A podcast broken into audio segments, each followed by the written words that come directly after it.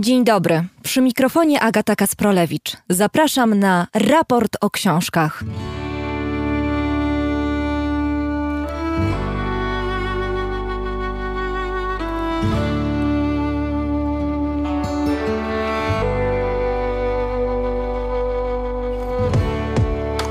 Codziennie dzieją się na świecie rzeczy, których nie da się wytłumaczyć na podstawie znanych nam praw. Tymi słowami portugalskiego poety Olga Tokarczuk rozpoczyna swoją nową powieść. W czerwcowym raporcie o książkach podążymy szlakiem Empuzjonu, a ten prowadzi przez Dolny Śląsk, skąd droga prowadzi prosto na Czarodziejską Górę.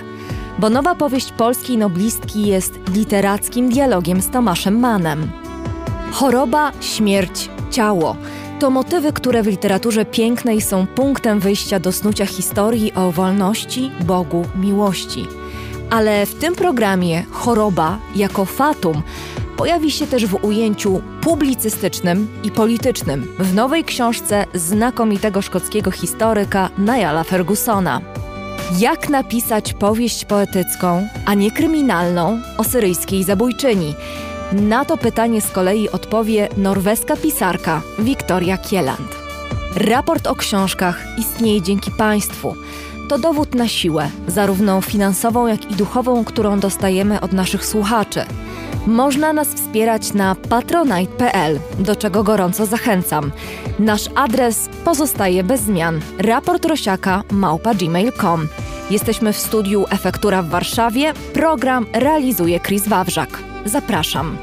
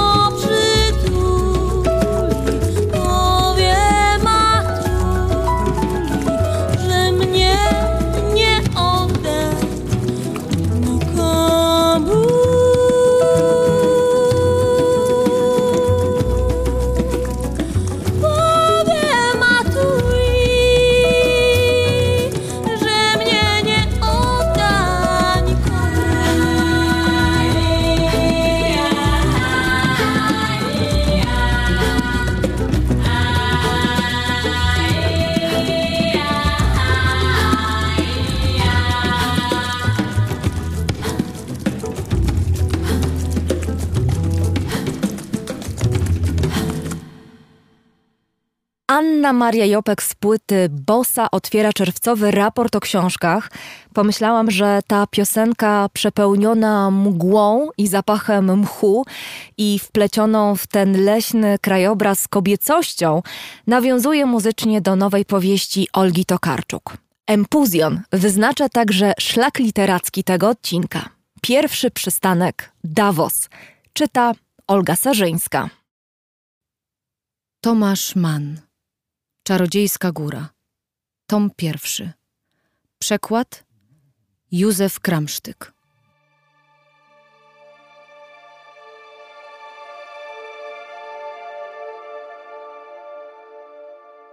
Czy widzisz młodzieńcze?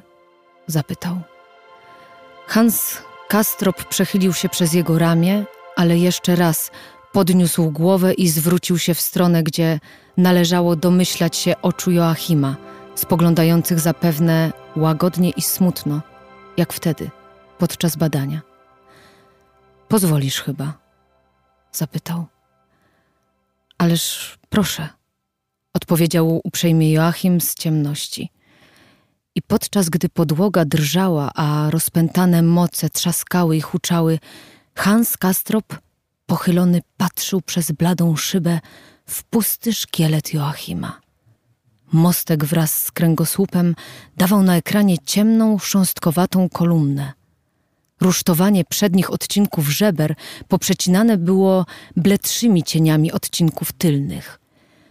Po obu stronach widniały wygięte łuki obojczyków, a w otoczeniu miękkiego półcienia ciała ostro i wyraźnie rysowały się kości barkowe i początek przedramienia. Obszar płucny był jasny, ale można było rozróżnić jakieś żyłkowanie, ciemne plamy i czarniawe zygzaki. Jasny obraz, odezwał się radca dworu. Oto elegancka szczupłość, wojskowa młodzieńczość. Miewałem tutaj tłuściochów zgoła nieprzeniknionych. Nic prawie nie można było rozpoznać. Trzeba by dopiero odkryć promienie przechodzące przez taką warstwę tłuszczu. Ale tu mamy czystą robotę. Czy widzi pan przeponę? Spytał i wskazał palcem na ciemny łuk, to wznoszący się, to opadający u dołu ekranu. Czy widzi pan te garby, te wzniesienia po lewej stronie? To jest zapalenie opłucnej, które pański kuzyn miał w piętnastym roku życia. Głęboko oddychać, komenderował. Głębiej? Przecież mówię głęboko. I przepona Joachima podniosła się drżąc, jak można najwyżej do góry. W górnej części płuc rozjaśniło się, ale radca Berens jeszcze nie był zadowolony. Niedostatecznie, powiedział. Czy widzi pan gruczoły wnękowe? Czy widzi pan wzrosty? Czy widzi pan tu te kawerny? Stąd właśnie pochodzą jady, które go odurzają. Ale uwaga Hansa Kastropa pochłonięta była czymś w kształcie worka, czymś nieforemnym i zwierzęcym, widocznym jako ciemne miejsce poza środkową kolumną, znajdującym się z punktu widzenia obserwatora przeważnie po prawej stronie, czymś, co się regularnie rozszerzało i znowu kurczyło, mniej więcej na podobieństwo płynącej meduzy. Czy widzi pan jego serce? spytał radca Berens, podnosząc znowu olbrzymią rękę i wskazując palcem na pulsujący twór. Wielki Boże! To, co widział Hans Kastrop, było sercem, zacnym sercem Joachima. Widzę twoje serce, powiedział stłumionym głosem. Ależ proszę, odrzekł znowu Joachim i pewnie tam wyżej w ciemności uśmiechnął się uprzejmie. Ale pan radca kazał im milczeć i nie rozczulać się. Studiował plamy i linie, czarne zygzaki we wnętrzu klatki piersiowej, a jego współobserwator również patrzył z napięciem na upiorną postać i kościotrup Joachima, na ten nagi szkielet i przerażające swą chudością memento. W nabożnym skupieniu, opanowany uczuciem lęku, powtarzał kilkakrotnie: Tak, tak. Widzę. Mój Boże, ja widzę. Słyszał kiedyś o pewnej dawno zmarłej krewnej ze strony Tienaplów. Była ona podobno obdarzona czy obarczona straszliwym darem, który znosiła z pokorą, a który polegał na tym, że ludzi mających niebawem umrzeć widziała jako szkielety.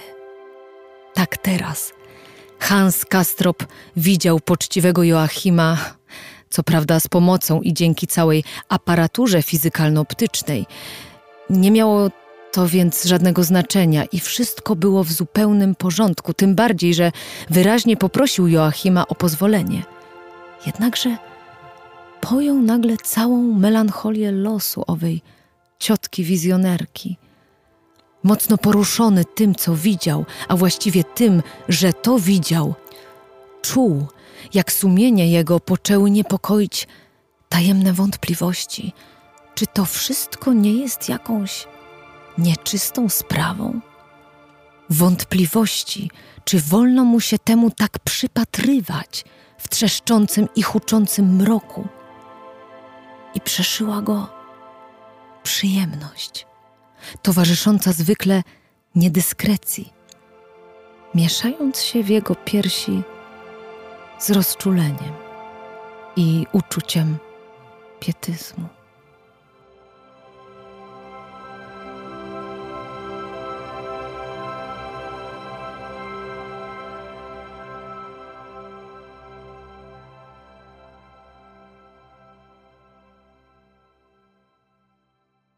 Gościem raportu o książkach jest profesor Ryszard Koziołek, literaturoznawca, eseista, profesor w Instytucie Literaturoznawstwa Uniwersytetu Śląskiego. Witam pana bardzo serdecznie. Witam serdecznie, witam panią, witam państwa.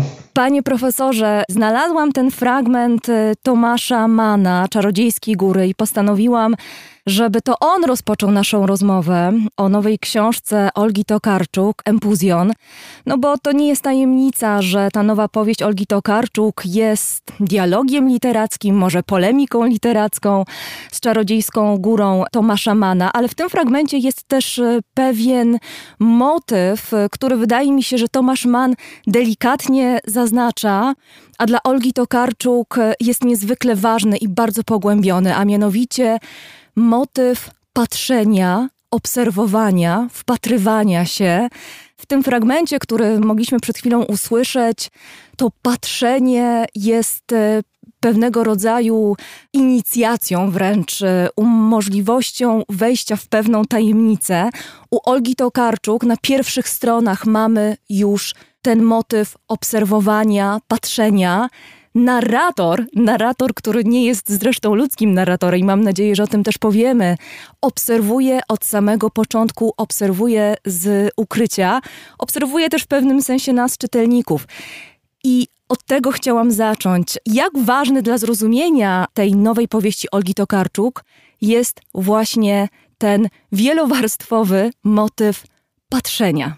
E, myślę, że jest kluczowy. Mm, zresztą nie tylko w tej powieści można powiedzieć, że mm, filo, literacka filozofia widzenia e, towarzyszy Oldze Tokarczuk od samych początków.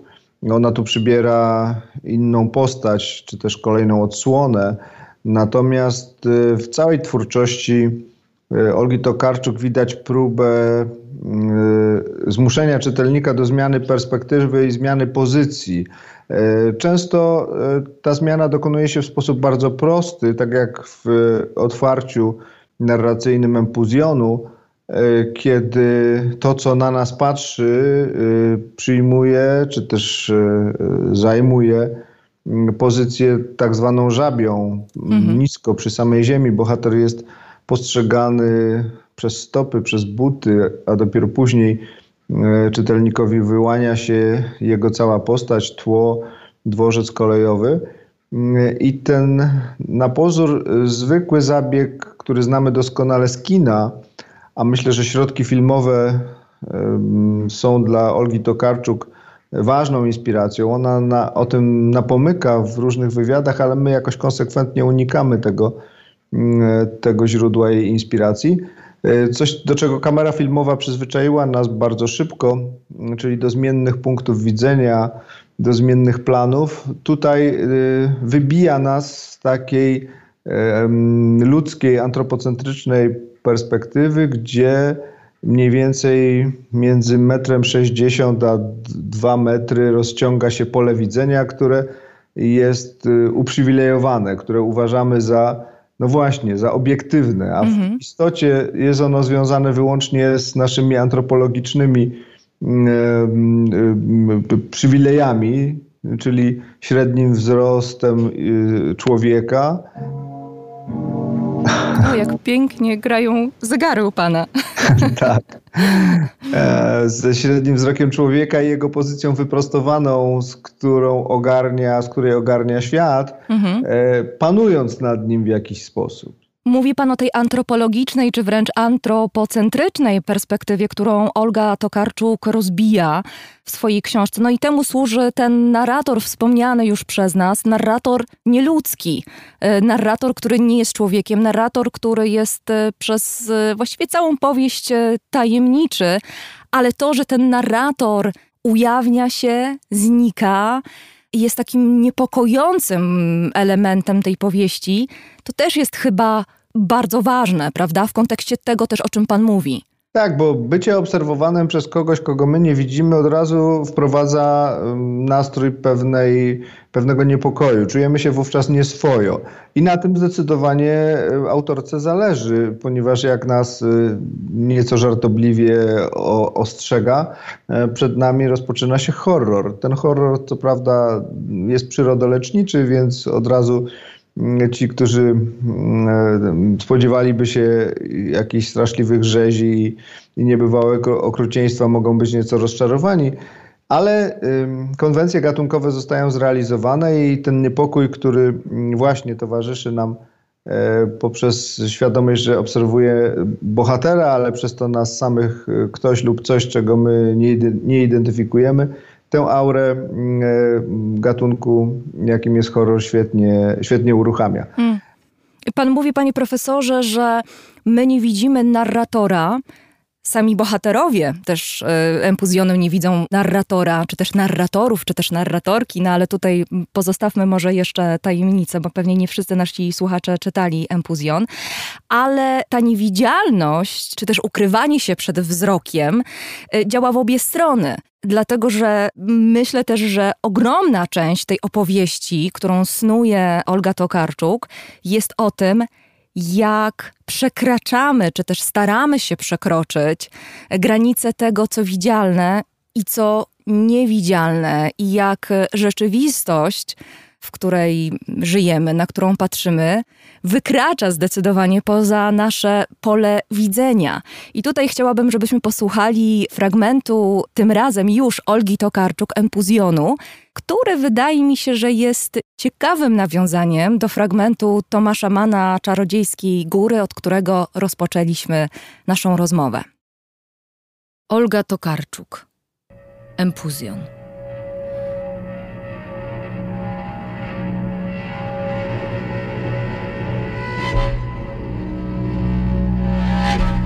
Życzy pan sobie kieliszeczek szwermeraj?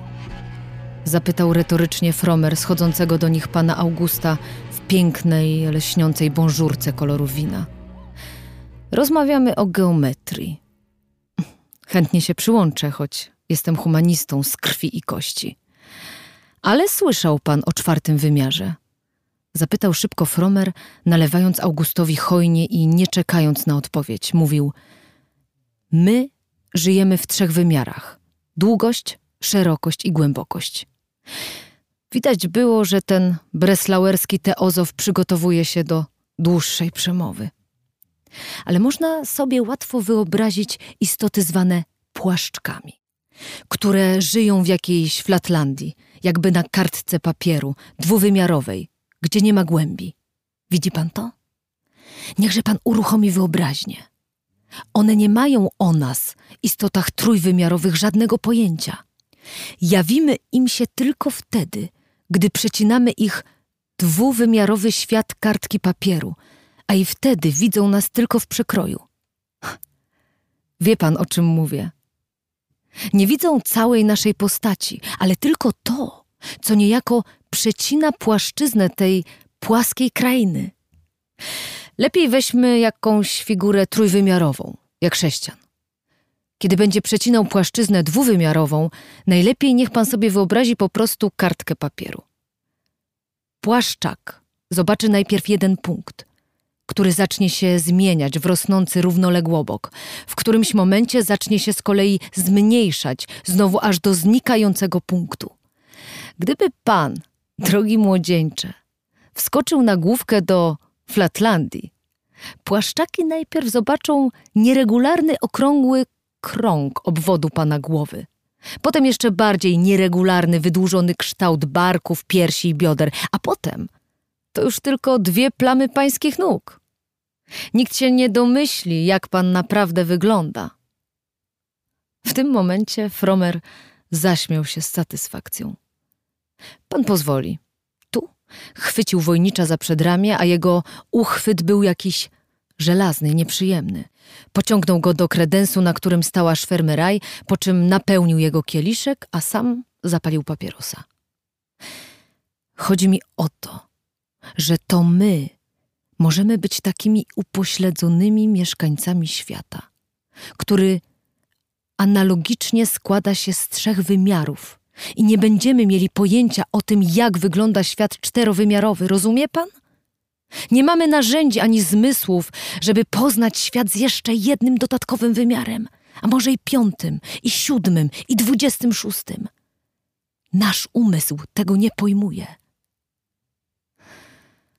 Była to bardzo dziwna przemowa, bo jej temat pojawił się znikąd i nikt specjalnie nie był nią zainteresowany. Wojnicz próbował przerwać mówcy, ale Fromer był dziwnie podniecony i nie pozwalał sobie odebrać głosu. August z kolei popijał trunek z przymkniętymi oczami, siedząc w fotelu, jakby wykład Fromera wcale go nie obchodził. Wie pan o wstędze Mebiusa, prawda? To z topologii, słyszał pan. Słynna wstęga jest płaską taśmą, sklejoną dwoma końcami, które przedtem zostały względem siebie skręcone o 180 stopni. Płaszczaki, mieszkając na jej powierzchni, żyją de facto w świecie dwuwymiarowym, choć nie zdają sobie z tego sprawy i uważają, że ich świat nie ma kresu. A co jeżeli ludzie, jak my tutaj, też są zamknięci w swoich trzech wymiarach, zupełnie nieświadomi prawdziwej rzeczywistości, która rozgrywa się w czterech wymiarach? Oczywiście bierze pan pod uwagę także czas. Próbował przerwać mu nieskutecznie August. Fromer jednak go zignorował. Przedstaw pan sobie teraz cylinder. Taki jak tutka od papierosa. Oto skleja pan ze sobą końce, ale przedtem znowu okręca je pan przez czwarty wymiar. Powstanie dziwna figura podobna trochę do trąby, a trochę do grzyba. Potrafi pan sobie coś takiego wyobrazić? Wojnicz nie był pewny. Torus, powiedział nagle pan August, jakby odnalazł w swojej przepastnej pamięci jakiś dawno zagubiony skarb. Ucieszyło to Fromera. Wygląda na to, że humaniści znają się na rzeczy. Pochwalił go i zwrócił się ponownie do wojnicza. Nasz świat może być tylko cieniem rzucanym przez zjawiska czterowymiarowe na ekrany naszych zmysłów.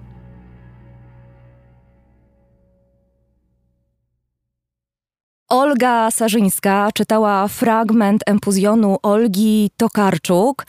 Panie profesorze, to jest historia o świecie, który jest znacznie bogatszy, który jest znacznie bardziej zróżnicowany niż wskazywałby na to nasz wzrok. I o tym jest e, ten fragment, że nasza rzeczywistość przekracza granice naszej zwyczajnej percepcji.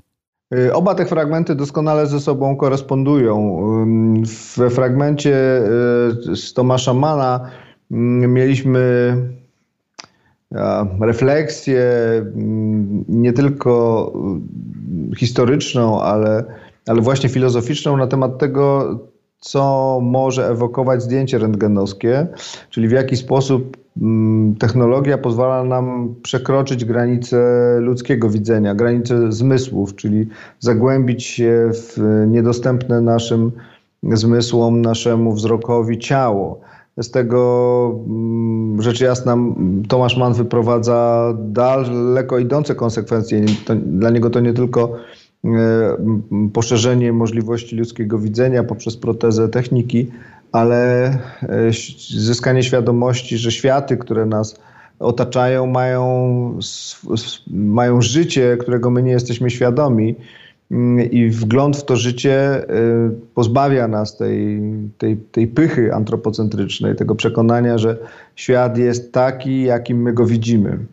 Y, I drugi fragment, y, który też ma swoje źródło umana, czyli przeciwstawienie mm, świata płaskiego światowi wielu, wielowymiarowemu, bezpośrednio do tego nawiązuje. Mm, ten świat płaski to jest świat e, zero-jedynkowy, świat e, prostych wyobrażeń, e, który mm, przynosi taki, taki obraz rzeczywistości, który nazywamy mieszczańskim ładem, gdzie wszystkie rzeczy mają swoje miejsce i, mm, i człowiek nie zastanawia się nad tym, jak inne istoty a czasem nawet ludzie spoza naszych grup społecznych, spoza naszych baniek postrzegają rzeczywistość.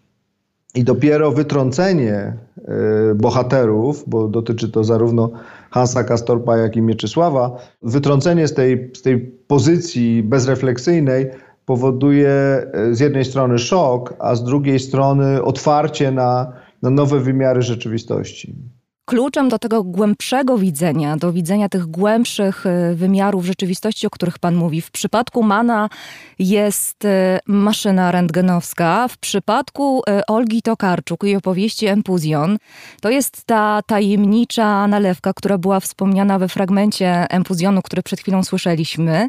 Ta nalewka ma, myślę, że duże znaczenie i warto o tym powiedzieć, bo to jest taka nalewka, która robiona jest z grzybów, e, które rosną w otaczającym e, sanatorium e, i pensjonat dla panów, w którym rozgrywa się główna akcja empuzjonu w tych otaczających właśnie sanatorium lasach. I te grzyby porównywane są, jest taki jeden fragment empuzjonu, w którym te grzyby porównywane są do kobiet w bardzo ciekawy, poetycki sposób.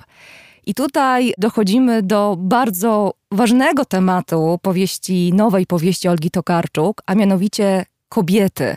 Ten świat przedstawiony w Empuzjonie to jest świat, w którym kobiety są niewidzialne i żeby dostrzec e, tę perspektywę kobiety, no trzeba znów porzucić ten konwencjonalny sposób patrzenia i taką trochę przepustką, czy też kluczem do widzenia rzeczywistości głębiej jest e, no właśnie zaczerpnięcie tej perspektywy kobiecej. Ja tak sobie to tłumaczę, że ta nalewka jest taką metaforą właśnie. Zdecydowanie tak. Zresztą mm, nalewka, czyli to, to, to słynne i mm, smakowite szwamerein, którymi raczą się bohaterowie mm, pensjonatu, mieszkańcy pensjonatu dla panów i chyba nie tylko, e, wydaje się takim żartem z rozmaitych halucynogennych mm środków, w tym grzybów, które e, uruchamiają wizję, powodują stan szału albo przeciwnie jakiejś introspekcyjnej medytacji. E, tymczasem w literaturze mm, istnieje e, no, wspaniały i legendarny prototyp tej nalewki, czyli słynny napój miłosny, który znamy z Tristana Izoldy, e, który także, i ma pani całkowitą rację, jest symbolem czegoś, co jest nieuchwytne, co jest nienazywane, mianowicie w Tristanie Izoldzie jest to siła namiętności, która sprawia, że dwoje ludzi nagle stają się dla siebie, staje się dla siebie najważniejszymi istotami mm, i są w stanie zaryzykować wszystko, byle tylko być ze sobą. Nazywamy to szałem, uniesieniem, namiętnością, miłością, ale w gruncie rzeczy mm, mimo psychologii i fizjologii nie jesteśmy w stanie do końca określić, co, co jest tą siłą. I tutaj podobnie mm, Tokarczuk używa nalewki, i żeby wskazać na pewien rodzaj siły, energii, dyspozycji, mhm. która otwiera człowieka na szersze, takie stereometryczne widzenie, a nie, a nie właśnie planimetryczne.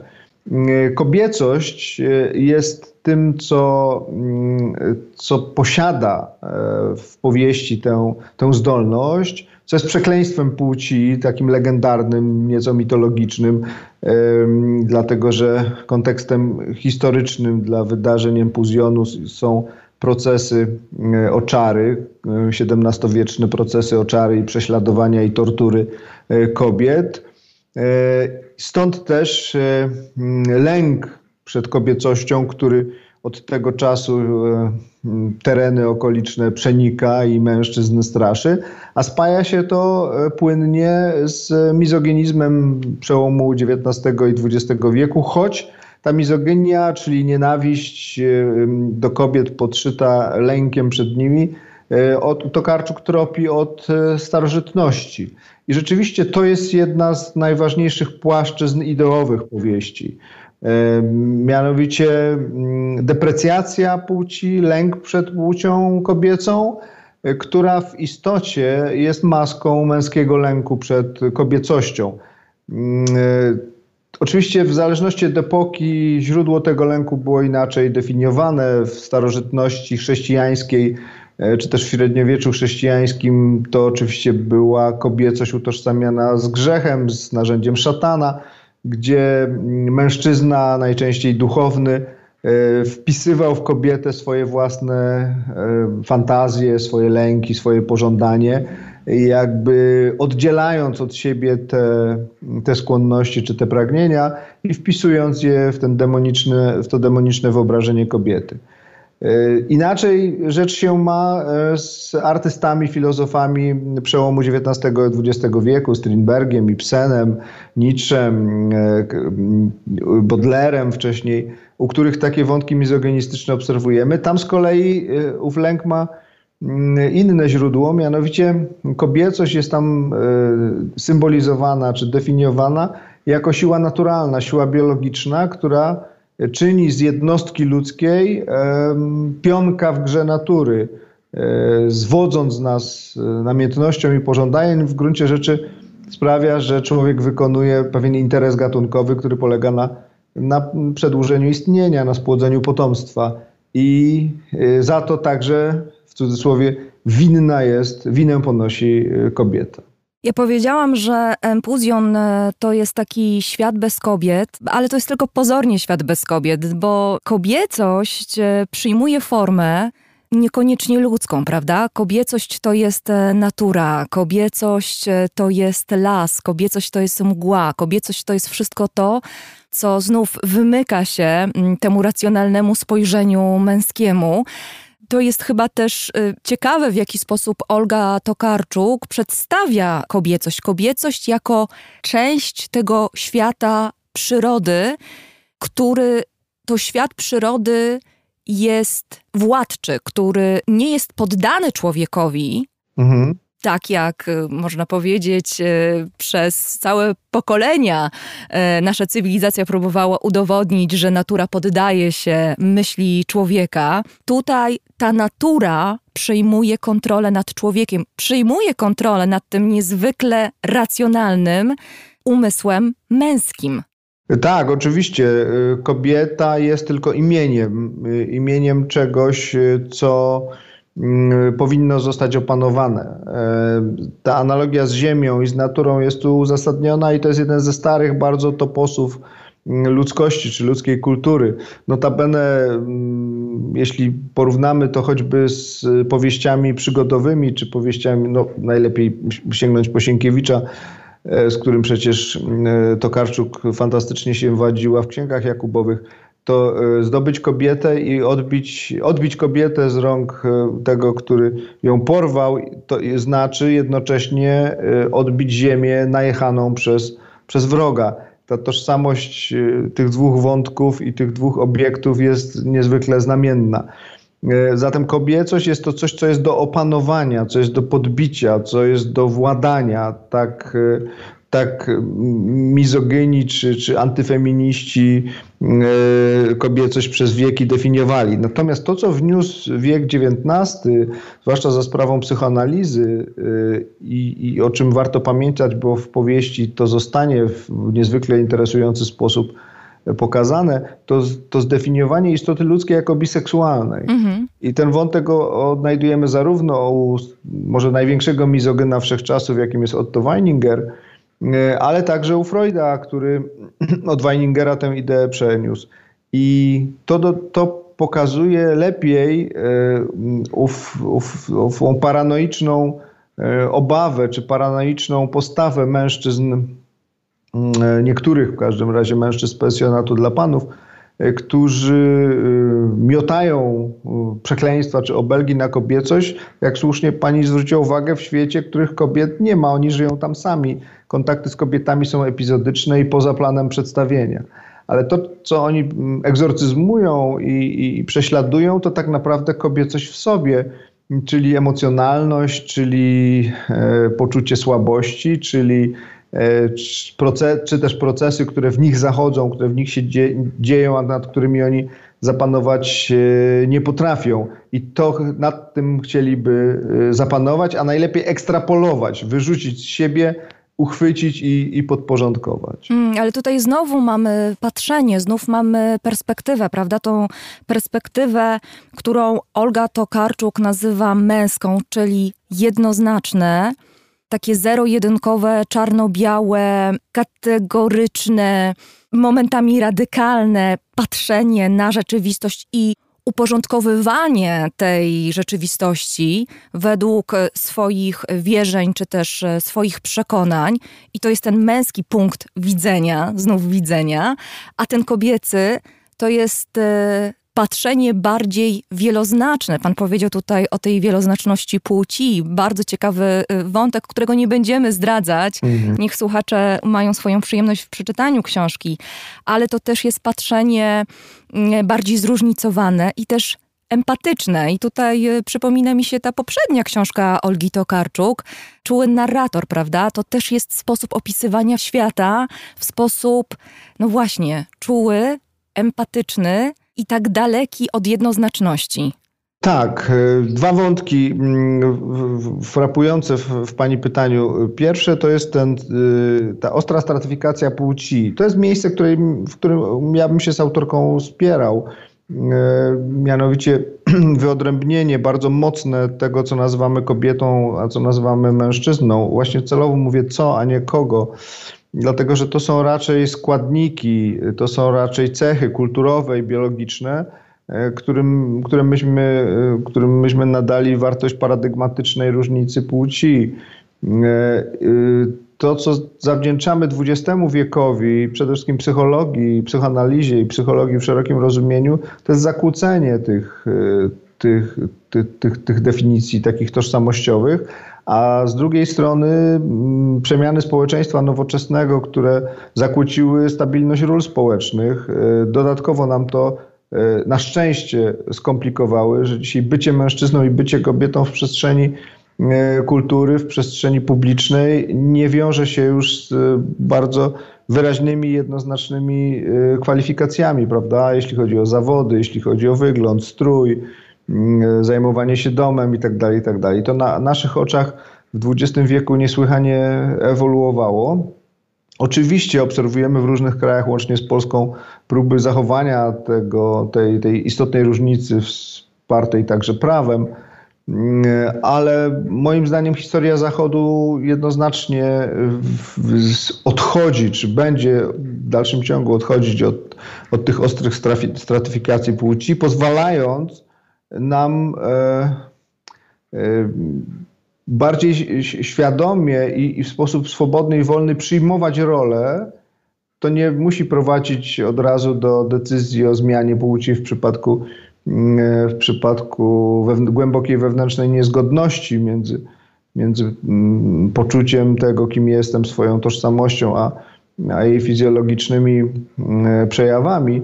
Natomiast bardziej dla mnie intrygujące jest to, że możemy elementami tych ról społecznych, czyli ról genderowych, po prostu grać i się bawić. I to daje wolność obu stronom. Po prostu być, w cudzysłowie, być kobietą i być mężczyzną E, wedle swoich pragnień i potrzeb, a nie dlatego, że społeczeństwo wyznacza nam te, e, te sztywne role. Powiedział Pan o tym, że mamy w tej powieści wątek uwolnienia się czy poszukiwania wolności od e, płci i od tych wszystkich ról związanych z płcią, które to role społeczeństwo nam narzuca. I tutaj wyłania się kolejny bardzo ciekawy motyw literacki w Empuzjonie, ale również sięgnijmy raz jeszcze do czarodziejskiej góry, a mianowicie choroba. Choroba, która jest przepustką do tej wolności. Mówiliśmy dużo o tym, jak Olga Tokarczuk w Empuzjonie pokazuje niesprawiedliwość wobec kobiet, ale to nie jest tylko i wyłącznie książka, o tym, jak kobiety szukają tej wolności, czy też jak szukają sposobu na bycie zauważonymi, ale to jest również opowieść o tym, jak trudno być mężczyzną, jak trudno być mężczyzną w świecie, który znów tymi bardzo męskimi kategoriami operuje. Główny bohater, o którym już wspomnieliśmy, mm, Mieczysław Wojnicz, może sobie pozwolić na bycie sobą, za sprawą choroby. I, I, o tę chorobę chciałam pana zapytać. Chorobę jako motyw literacki, który otwiera znów drzwi do wielu treści, zarówno w Empuzjonie, jak i w Czarodziejskiej Górze. Zupełnie inaczej, no ale tutaj mamy chyba ten wprost y, dialog literacki między Tokarczuk a Manem. Tak, zdecydowanie. Choroba ma kluczowe znaczenie dla konstrukcji obu mm, tych powieści. E, przypomnijmy, że Hans Castorp wybiera się do Davos aby odwiedzić swojego kuzyna Joachima. E, chce tam spędzić swojego rodzaju wakacje. Ma tam być co najwyżej 3 tygodnie, a zostaje 7 lat. E, w przypadku Mieczysława Wojnicza pobyt trwa, trwa krócej, bo tylko jesień 1913 roku, gdzieś między wrześniem a listopadem. Niemniej w obu tych wypadkach kluczowe jest to, że choroba po pierwsze wygania nas z naszego E, otoczenia, z naszego codziennego życia, z naszych obowiązków, e, wyłącza nas ze świata. E, oczywiście choroba jest dramatem zawsze, mm, a czasem tragedią. Natomiast jeden i drugi, czy jeden i druga, Man i Tokarczuk, eksplorują konsekwencje choroby, że jeśli nam się już to przydarzy, to wtedy zostajemy po pierwsze umieszczeni w jednym miejscu, czyli nasza ruchliwość, E, się e, ulega osłabieniu, czyli przyjmujemy z natury rzeczy postawę bardziej refleksyjną, bardziej kontemplacyjną, ponieważ no, nie mamy nic do roboty, musimy być unieruchomieni albo w łóżku, albo w sanatorium. Więc dzięki temu ten świat, który nas otacza, staje się przedmiotem bardziej uważnego oglądu. Po drugie, choroba, zwłaszcza w przypadku mężczyzn, którzy są wychowani w takim stereotypie maskulinistycznym siły, sprawczości, jakimś takim drylu albo militarnym, albo paramilitarnym, daje im prawo e, do słabości. E, mężczyźni, e, którzy wymagają opieki, w jakimś sensie przestają być tymi mężczyznami władczymi i, i niezależnymi, Choroba nam uświadamia, że jesteśmy zależni, że potrzebujemy opieki, ba, że domagamy się czułości. No a tak się składa, że po dziś dzień e, tym, tym, tą społecznością, która się nami opiekuje w chorobie, są przede wszystkim kobiety. I nagle role ulegają zachwianiu. Nagle e, siła, sprawczość, e, pomoc przenosi się na kobiety. Tu tego co prawda nie ma, dlatego że bohaterowie nie są jakoś dramatycznie chorzy czy, czy terminalnie zajmują się sami sobą, ale też y, y, natarczywie o kobietach i kobiecości rozmawiają. A najwspanialsze wspomnienie Mieczysława z dzieciństwa to jest e, wspomnienie opiekunki służącej wiejskiej kobiety, która nie zważając na mieszczańskie formy, okazywała mu czułość, zdrabniała mm, i czułymi słowami do niego się zwracała. I ten, to, to bycie otoczonym kobiecą czułością jest dla niego jakimś najbardziej błogim wspomnieniem. Mhm. Panie profesorze, chciałam zapytać jeszcze o to, jak postrzega pan y, tą relację literacką, którą Olga Tokarczuk nawiązuje z Tomaszem Manem? Czy to jest y, dialog literacki, czy to jest polemika, czy to jest uzupełnienie, czy to jest może taka literacka sztafeta trochę i po prostu uwspółcześnienie Czarodziejskiej Góry, może przełożenie jej na współczesny język? Wiele celów, myślę, autorka zrealizowała. Ja bym wskazał przede wszystkim na jeden, który bym określił mianem żartobliwej zemsty. E, otóż e, autorka w wywiadach wspomina taką sytuację, kiedy to stoi naprzeciw e, biblioteki swojego ojca, patrzy na tą wielką literaturę europejską i uświadamia sobie z czasem, że nie ma tam nic dla dziewczynek że wszystko to jest y, świat mm, opowiadany z perspektywy męskiej, nawet jeśli kobiece bohaterki się tam pojawiają, to nie one zajmują pierwszy plan, nie one są opowiadaczkami, nie one są pierwszoplanowymi bohaterkami. I mimo, że mamy Kławdię Szoszo w, e, w Czarodziejskiej Górze, która jest tym obiektem miłości, westchnień, pragnień głównego bohatera, to w gruncie rzeczy ona tylko przelatuje przez trzaskając drzwiami przez ten świat powieściowy. W irytujący sposób trzaskając drzwiami, tak, prawda? Tak, i istotnej roli tam nie odgrywa. W związku z tym Olga Tokarczuk przejęła e, ten, ten manowski świat z pełną konsekwencją, jakby mówiąc, no dobrze, to ja ci teraz pokażę, jak opowiedzieć prawdziwie ten świat, w którym rzeczywiście nie ma kobiet i co wtedy z mężczyznami z mężczyznami się dzieje. Ale każda e, polemika, każdy pastisz, bo wszystko z wszystkim tam mamy do czynienia, jest wyrazem hołdu dla wielkiego mistrza, a niewątpliwie e, i, i ta powieść, i jej autor w, w hierarchii literackiej Olgi Tokarczuk e, zajmują miejsce znakomite.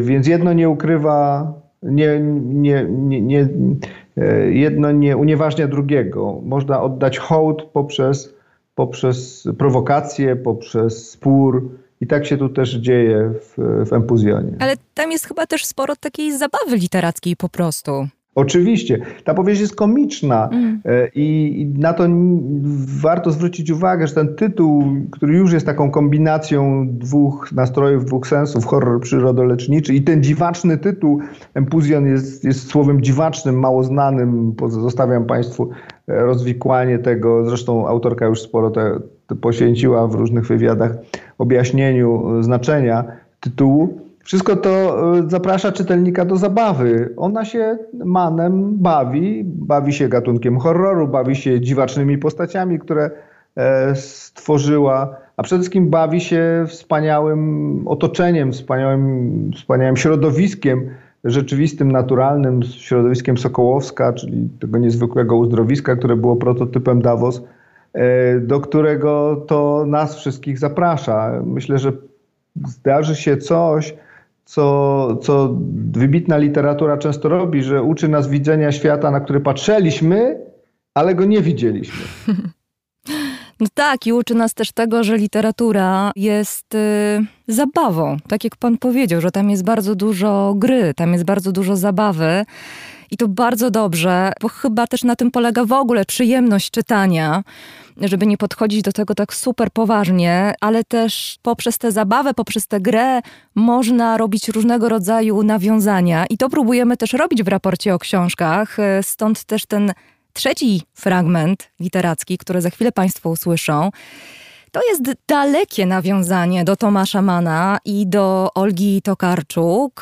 Łączy tę bardzo mało znaną powieść Józefa Hellera e, z poprzednimi książkami. Motyw choroby, motyw odosobnienia, motyw uwięzienia w szpitalu, w szpitalnym łóżku. Mam tutaj na myśli, nie ma się z czego śmiać. Bardzo mało znany y, dziennik szpitalny. Tak się zastanawiam, panie y, profesorze, bo nie uprzedziłam pana o tym. To taka trochę niespodzianka dla pana ode mnie. Y, czy zna pan tę książkę Józefa Hellera? Nie, nie, choć oczywiście jestem ogromnym wielbicielem autora, głównie za sprawą paragrafu. Oczywiście. Ale, ale także choćby Bóg wie i jeszcze innych, a tej nie znam. No to mam nadzieję w takim razie, że ten fragment, y, który za chwilkę Państwo usłyszą, zachęci również Pana, Panie Profesorze, do zapoznania się z tą książką. Choć niezwykle trudno jest ją dostać, ale warto, bo to jest takie podejście bardzo żartobliwe do choroby, ale śmieją się tylko czytelnicy, stąd też właśnie tytuł Nie ma się z czego śmiać. Profesor Ryszard Koziołek, literaturoznawca, eseista, profesor w Instytucie Literaturoznawstwa Uniwersytetu Śląskiego, był gościem raportu o książkach. Bardzo panu dziękuję. Ja bardzo dziękuję za rozmowę, dziękuję państwu. Józef Heller. Nie ma się z czego śmiać. Przekład Magdalena Mosiewicz. Zapalenie płuc i obstrukcja, jak mogę Was teraz autorytatywnie poinformować, są dolegliwościami nieustannie zagrażającymi wszystkim obłożnie chorym, a prawdopodobieństwo wystąpienia tej pierwszej wzrasta jeszcze bardziej przy trudnościach z przełykaniem. Dzięki natychmiastowemu rozpoznaniu i przeciwdziałaniu po dwóch dniach było już po moim zapaleniu płuc i ustanowiono cały system zabiegów, takich jak opukiwanie klatki piersiowej i inhalacje, aby ułatwić mi oczyszczanie płuc z wydzielin, które mogłyby się tam zbierać, tak jak zbierały się w naczyniu aparatu ssącego. Walka z moją obstrukcją trwała kilka miesięcy dłużej, ale obiecuję, że już niewiele będę mówił o tym. W tym ciężkim okresie ponownie odwiedził mnie Mel Brooks. Wyjeżdżał następnego dnia do Europy i bardzo był przygnębiony drastycznym pogorszeniem się mojego zdrowia oraz pełnym ironii faktem, że jego najnowsze filmy zdawały się cieszyć mniejszym powodzeniem tutaj niż w Europie. Robiliśmy co w naszej mocy, żeby pocieszyć się nawzajem. Tym razem przybył w towarzystwie jeszcze dwóch przyjaciół z naszego najściślejszego grona – Spit przyszedł już wcześniej. I wszyscy ci podli szubrawcy wybierali się na kolację do Chinatown. Beze mnie. Była to grupka, która normalnie chadzała jadać tam razem mniej więcej raz w tygodniu. Czasem częściej. Ów klub wyrafinowanego smakosza był w rzeczywistości stadem odrażających wieprzy, które pochłaniało chińskie dania ze wzbudzającą powszechne obrzydzenie żarłocznością i której ja w czasach mojej świetności oraz bardzo niski kompozytor Hershey Kay, kiedy jeszcze żył, byliśmy wybijającymi się przedstawicielami. Mel potrafił zabierać się za posiłek bardziej zajadle niż ktokolwiek z pozostałych – ale brakowało mu siły wytrwania i wzdychał do deseru oraz do większych utargów w kasach kin. Podczas gdy Hershey i ja zmiataliśmy jeszcze to, co zostało z wołowiny ze szpinakiem, pieczeni wieprzowej, homara lub kraba w sosie z czarnej fasoli, albo i homara i kraba oraz smażonej na maśle ryby. Mel jest stworzony z twardszego materiału niż Mario i nie wzdragał się podejść, by dotknąć, zobaczyć i zasypać mnie wszelkimi pytaniami, które nie dawały mu spokoju. Chełpił się, iż z tego co widzi, osiągnąłby trzy razy lepsze wyniki we wszystkich testach, którym się przyglądał. Ale nie raczył nawet spróbować. Był zagniewany, niemal osobiście urażony, że mogłem mieć zapalenie płuc i tak po prostu leżeć sobie w łóżku jak człowiek, który wcale nie ma zapalenia płuc. Zatopił się w kontemplacji mojego bicepsa, zdumiony faktem, że nie mogę unieść lewego łokcia, choćby o ciupinkę. Był przybity, wstrząśnięty i kręcił głową, cmokając językiem. Życie ludzkie wisi na włosku. Takim mniej więcej spostrzeżeniem podzielił się ze mną, zbierając się do wyjścia. Obiecał zadzwonić do mnie po powrocie z Europy, kiedy będzie przesiadał się na krajowe linie, wywołując tym przyrzeczeniem uśmieszki na twarzach tych z nas, którzy znają jego przymus wydzwaniania po wszystkich z każdego lotniska w trakcie oczekiwania na samolot. Zapinając swój ciężki zimowy płaszcz, pogrążony w myślach, snuł melancholijne monologi o kruchości ludzkiego zdrowia i niewierności amerykańskich widzów, którzy nie oblegają kin, aby zobaczyć ostatnie dzieło twórcy Springtime for Hitler, rozpowszechnianego jako The Producers – i bić rekordy popularności ustanowione przez jego poprzednie filmy. Podczas gdy w Monachium, Wiedniu i Luksemburgu publika stępuje z gór i opuszcza knieje w gromadach o liczebności nigdy przedtem w salach kinowych niewidzianych. Sława jest ulotna. Takim mniej więcej spostrzeżeniem podzieliłem się z nim w odpowiedzi. Pozostali, Speed, George, Julie Green i Joe Stein, złożyli wyrazy swego szczerego ubolewania, iż pozostawiają mnie tutaj, podczas gdy sami udają się do Chinatown. Któż by im wierzył, łgarzą i hipokrytom? Nie mogli się już doczekać tej swojej kolacyjki.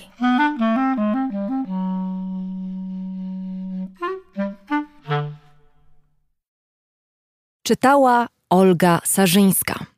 Choroba, jak większość katastrof, rzadko kiedy daje się przewidzieć, nawet dziś, w XXI wieku. O tym najlepiej świadczy pandemia koronawirusa, która zaskoczyła świat polityki i gospodarki. Dlaczego mimo postępu technologii, nauki, tak trudno przychodzi nam przewidywanie katastrof współczesnego świata? To pytanie, które w swojej najnowszej książce zadaje szkocki historyk Niall Ferguson. Rozmawiał z nim Dariusz Rosiak. Let me start with the subtitle of your book. Zacznijmy może od podtytułu pana książki, który brzmi Polityka i katastrofy współczesnego świata. Sugeruje on, że polityka, którą bez wątpienia tworzą ludzie, jest przynajmniej częściowo odpowiedzialna za wydarzające się na świecie katastrofy. A jednocześnie nie twierdzi pan, że dobry polityk jest w stanie im zapobiec, prawda? That's correct. One of the most common distinctions that we draw is between natural Zgadza się. Należy na pewno rozróżnić klęski żywiołowe od katastrof powodowanych przez człowieka, choć ten podział może być mylący albo wręcz nieprawdziwy. Spójrzmy na przykłady.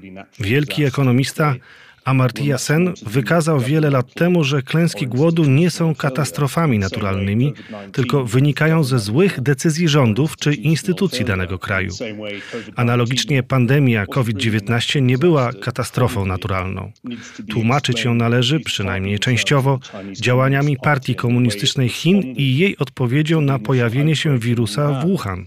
The problem is, it's very hard, even if you're an exceptionally talented leader with very good institutions. Problem polega na tym, że nawet jeśli jesteś wybitnym przywódcą z doskonale działającą administracją, poradzenie sobie z jakąkolwiek katastrofą jest naprawdę trudne.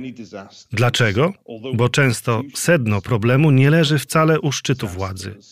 W książce staram się pokazać, że choć bardzo lubimy obwiniać o nie prezydentów i premierów, zły rozwój sytuacji kryzysowych to często wina ludzi znajdujących się dużo niżej w hierarchii administracji often have a lot more to do with people further down the chain of command. So it's when we say that, for instance, that I don't know, Hunger in Ethiopia in the 80s. Czyli jeśli spojrzymy na, dajmy na to, głód w Etiopii, czy okrutną wojnę w Kongo na przełomie wieków, która kosztowała życie milionów ludzi, jeśli za te katastrofy staramy się obwiniać naturę, czy robimy to po to, by usprawiedliwić nasze nieodpowiedzialne zachowanie i błędy?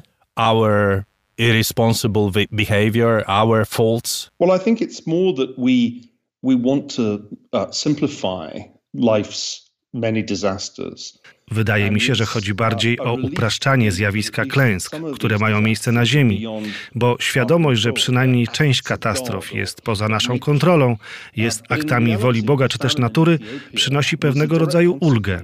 Tymczasem wspomniany głód w Etiopii był bezpośrednią konsekwencją rządów komunistów w tym kraju i ich fatalnej polityki gospodarczej. Prawdę mówiąc, wszystkie klęski głodu w XX wieku miały analogiczne źródło of the 20th century were like that, the worst famines of all time. Najgorsze z nich, czyli wielki głód w Związku Radzieckim w latach 30. ubiegłego wieku i w Chinach w latach 50., to nie były katastrofy naturalne, tylko konsekwencja katastrofalnych rządów. aren't in some special category. Ważne jest zrozumienie, że wojny nie należą do jakiejkolwiek wyjątkowej kategorii, tylko też są następstwami działań człowieka. I tak naprawdę wiele klęsk czy katastrof jest de facto powiązanych z polityką. Posłużę się tutaj skrajnym przykładem, czyli erupcją wulkanu. To bez wątpienia zjawisko w pełni naturalne, które w klęskę żywiołową zamieni się tylko wtedy, gdy wcześniej postanowiono u podnóża tegoż wulkanu wybudować miasto.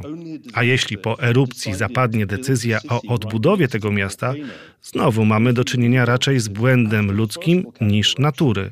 Then it does look again like a case of, of human error rather than nature. Which people obviously do. A jednak ludzie odbudowują takie życie, bo na tak żyznym terenie, jaki tworzy pył wulkaniczny, lepiej się żyje. On lava, basically. Od Włoch po Indonezję. To Goma. Goma jest bardzo dobrym przykładem. The world has many examples of human settlements close to uh, sites of high volcanic risk. Na świecie znajdziemy wiele osad ludzkich wzniesionych na terenach zagrożonych wybuchami wulkanów. Ten fakt zapewnie wzbudzi zdumienie u przyszłych historyków lub przybyszów z kosmosu. Będą się zastanawiać, dlaczego ludzi tak ciągnęło do najniebezpieczniejszych miejsc na planecie. I tak, jak pan wspomniał, częściowo da się to wytłumaczyć żyznością gleb wulkanicznych. It's kind of easy when we talk, when we think about Stalin's uh, Russia. Gdy szukamy winnych klęsk żywiołowych, nie trudno pomyśleć o stalinowskim ZSRR czy komunistycznych Chinach, ale pan pisze też o systemach, które zazwyczaj nie kojarzą się z klęskami głodu czy innymi katastrofami, na przykład o wiktoriańskiej Wielkiej Brytanii czy demokratycznej Ameryce. A w tych krajach też pojawiały się zarówno głód, jak i epidemie, jak choćby ospy wietrznej wywołanej u rdzennych Amerykanów przez osadników. Chicken pox with Native Americans in the case of, uh, of American pioneers, yeah? So basically, czy to znaczy, że system demokratyczny wcale nie jest odporny na katastrofy? Immune to creating disasters. That's right. Of course, Victorian Britain wasn't a democracy, but it did have representative government. Tak, wiktoriańska Anglia nie była demokracją, ale miała rząd przedstawicielski, a Irlandia, która przeżyła klęskę głodu w latach 40. XIX wieku, była w brytyjskim parlamencie reprezentowana. To oczywiście nie jest sytuacja analogiczna do stalinowskiej Rosji czy Chińskiej Republiki Ludowej pod rządami Mao, bo rządzący w czasach wiktoriańskich nie byli obojętni wobec sytuacji w Irlandii ale z drugiej strony nie mieli pomysłu, jak uporać się z tym problemem, a wręcz podeszli do tego źle. Pomoc, która szła do Irlandii, była zdecydowanie niewystarczająca, a poza tym eksport płodów rolnych z Irlandii kontynuowano nawet gdy wiadomo już było, że mamy do czynienia z potężnym kryzysem. Representative or liberal institutions can cause Uh, tak więc instytucje pod rządami liberalnymi czy demokratycznymi też mogą powodować klęski. I o tym także pisze w swojej książce. Nie ma w niej jednego, uniwersalnego wniosku, na przykład, że demokracje są dobre, albo ustroje reżimowe fatalne, ponieważ państwom demokratycznym też zdarzają się katastrofalne sytuacje. Dobrą ilustracją tego, co mówię, była epidemia COVID-19. Przecież USA i wiele krajów europejskich poradziło sobie z nią bardzo źle. Śmiertelność z powodu wirusa była w nich bardzo wysoka, szczerze mówiąc, chyba znacznie wyższa niż ktokolwiek zakładał. A na pewno Stany Zjednoczone, które w 2019 roku były, w teorii, najlepiej przygotowanym na pandemię krajem na świecie. Myślę więc, że książka jest pełna niespodzianek, a dla tych, którzy oczekują znaleźć w niej ładny i prosty obrazek świata, może być wręcz rozczarowująca.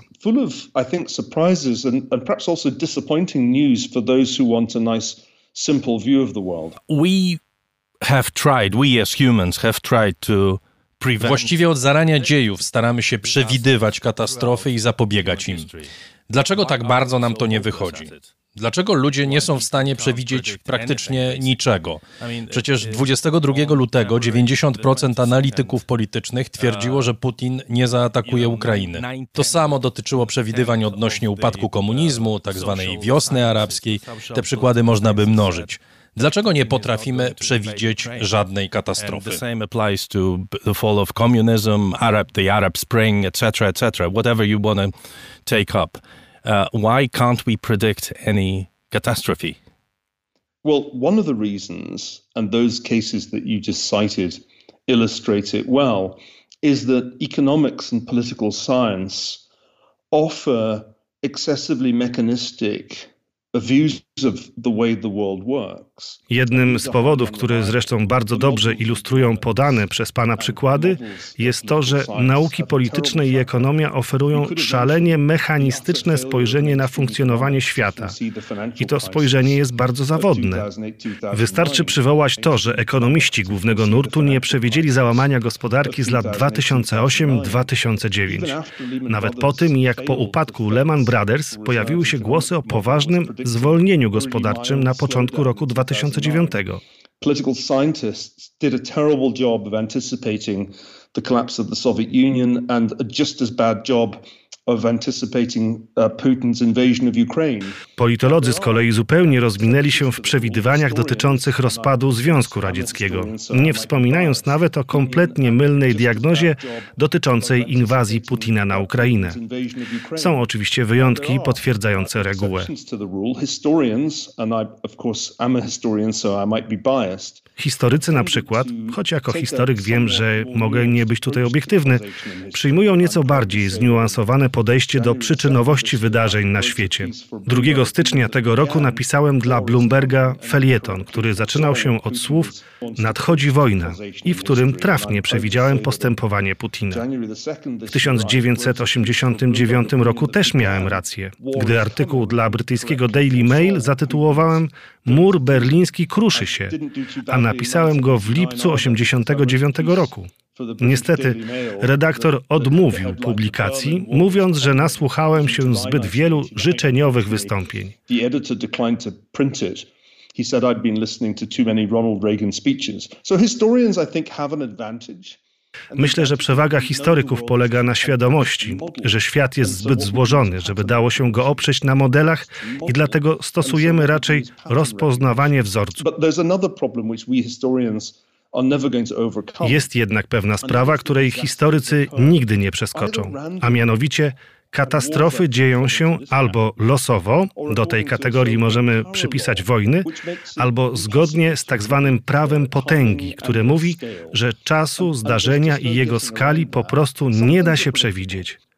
Są oczywiście rzeczy przewidywalne, a wśród nich pory roku oraz występowanie huraganów, które pojawiają się w określonej porze roku i w określonych miejscach. Ze sporą dozą pewności można też przewidzieć, kiedy dany kierowca będzie miał kolejną stłuczkę czy oczekiwaną długość życia człowieka. Te rzeczy można w miarę wiarygodnie wyliczyć, ale inne, o których dziś rozmawiamy, pandemie, wojny, erupcje wulkanów, trzęsienia ziemi, należą już do obszaru dużej niepewności. I nawet jeśli czasem uda się je przewidzieć, to będzie to bardziej kwestia szczęścia. Prawdę mówiąc, czasu i skali danej katastrofy praktycznie nie da się przewidzieć, zanim ona faktycznie się wydarzy.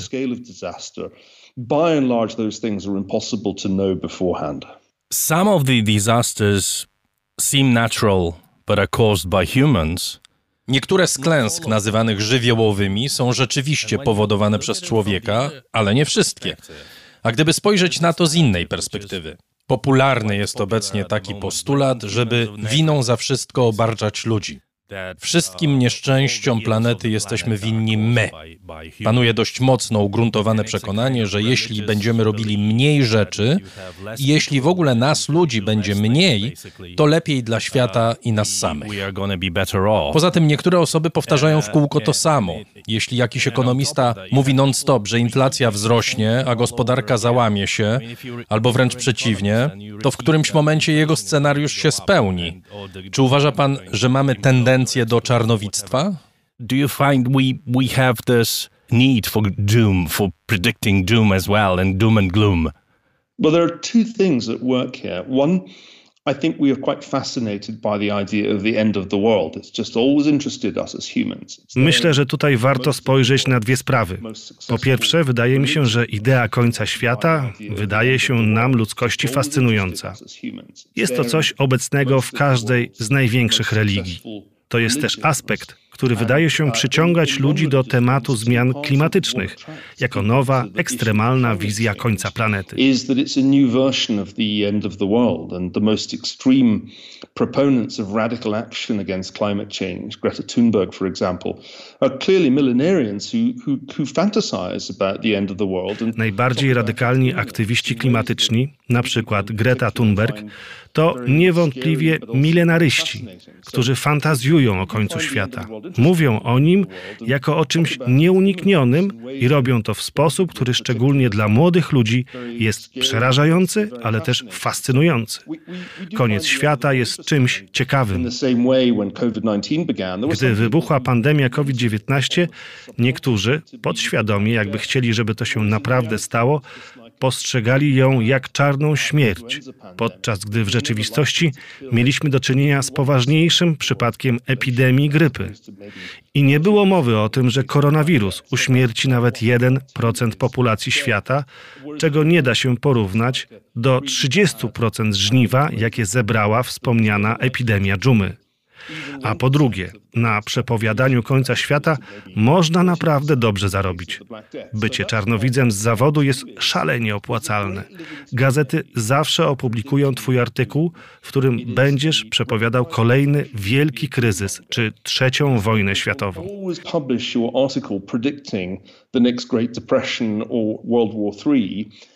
I nie ma znaczenia, jak często nie będziesz miał racji.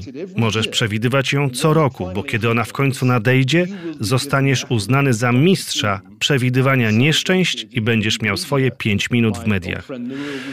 Mój dobry przyjaciel Nuriel Rubini przewidywał nadejście kryzysu ekonomicznego co roku, począwszy od 2002, a może nawet wcześniej, ale nie jestem pewien.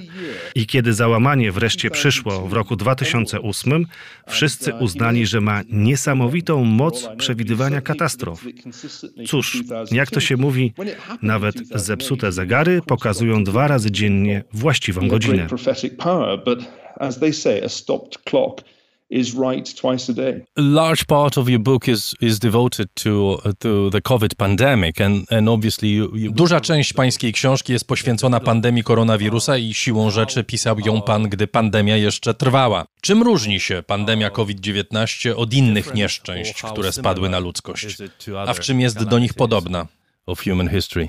Well, I feel as if I, I wrote it now in a relatively early stage of the pandemic. Książkę napisałem właściwie na początku pandemii. Skończyłem ją w październiku 2020 roku i na pewno nie myślałem, że w kolejnym koronawirus w Stanach Zjednoczonych zbierze jeszcze większe żniwo. Cóż mogę powiedzieć? Dokładnie dzisiaj rano jednemu z moich dzieci wyszedł pozytywny test.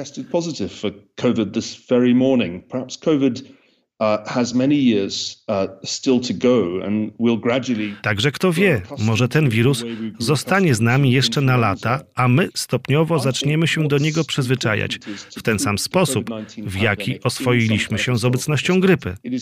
Myślę, że istotne jest, by umieścić pandemię COVID-19 w kontekście historycznym, bo bez wątpienia była to znacznie mniejsza katastrofa niż czarna śmierć czyli plaga, która przetrzebiła Eurazję w połowie XIV wieku.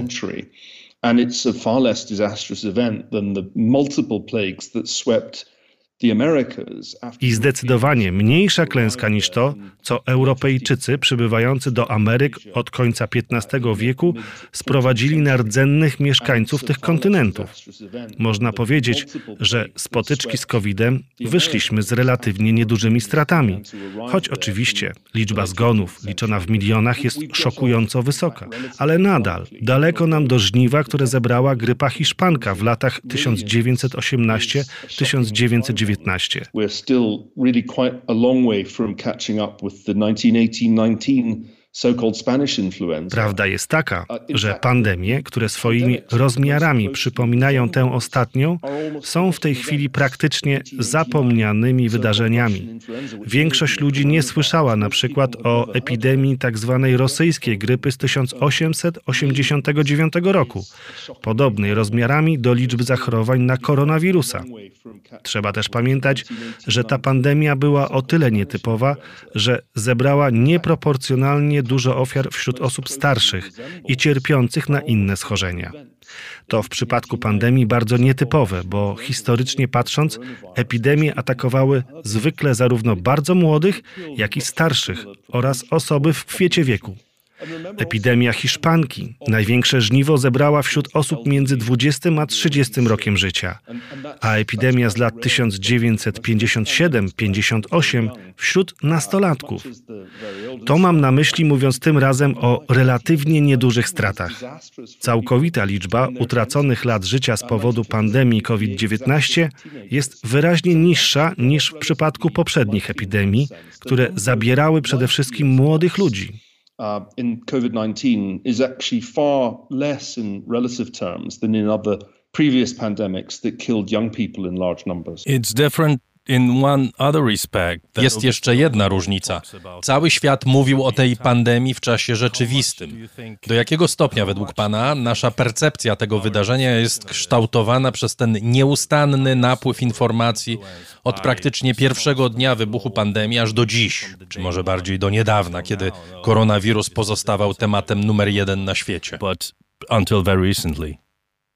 One of the challenges of, of writing the history of the present or the recent past is that you have all the distorting perspectives of media coverage to contend with.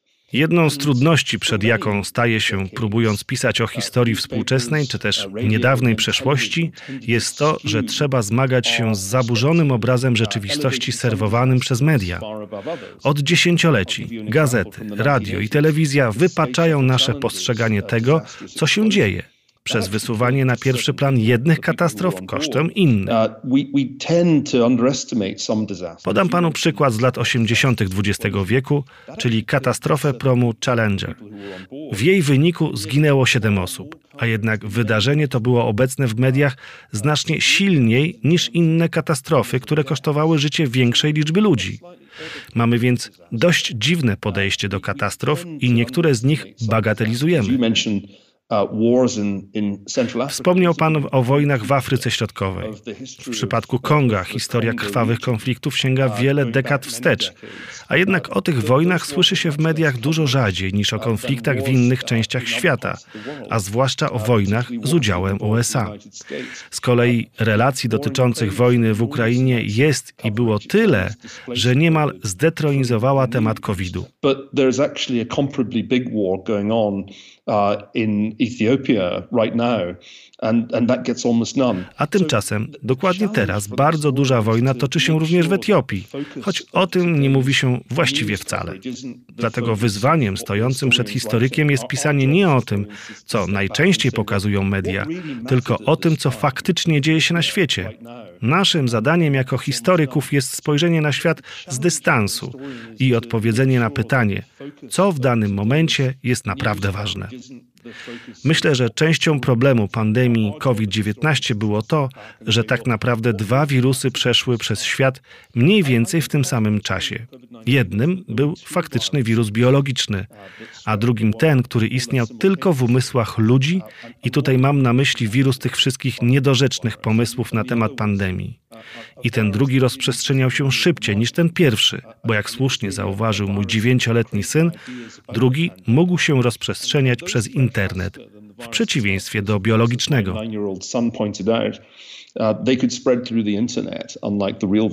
You mentioned Nazywa pan siebie historykiem. Jaka jest według pana rola historyków? Mówi się, że rolą dziennikarza jest pisanie pierwszego szkicu historii. I tak być może postrzegają swoją pracę niektórzy z nas. Ale jaka jest rola historyków? But what is your role as a historian? Well, I do journalism as, as well. So I'm uh, somebody who works in Cóż, ja jestem też dziennikarzem, więc można powiedzieć, że pracuję w dwóch trybach. Próbuję pisać ten pierwszy szkic, konkurując z wieloma innymi osobami, a jednocześnie nadać przynajmniej trochę historycznej perspektywy temu, co piszę. Uważam, że można stosować perspektywę historyczną w odniesieniu do współczesnych problemów, aby lepiej je zrozumieć. when most people in the Western world were in complete denial w styczniu 2020 roku, kiedy większość mieszkańców tzw. Tak Zachodu negowała skalę problemu, z którym przyszło im się zmierzyć, napisałem wiele felietonów, udzielałem wywiadów, w których mówiłem, że oto zaczyna się poważna pandemia, która wstrząśnie światem, ponieważ przypomina te z lat 1918-19 i 1957-58. Mamy do czynienia z chorobą układu oddechowego, która będzie się błyskawicznie rozprzestrzeniać i jeszcze nie mamy na nią nic na kształt szczepionki.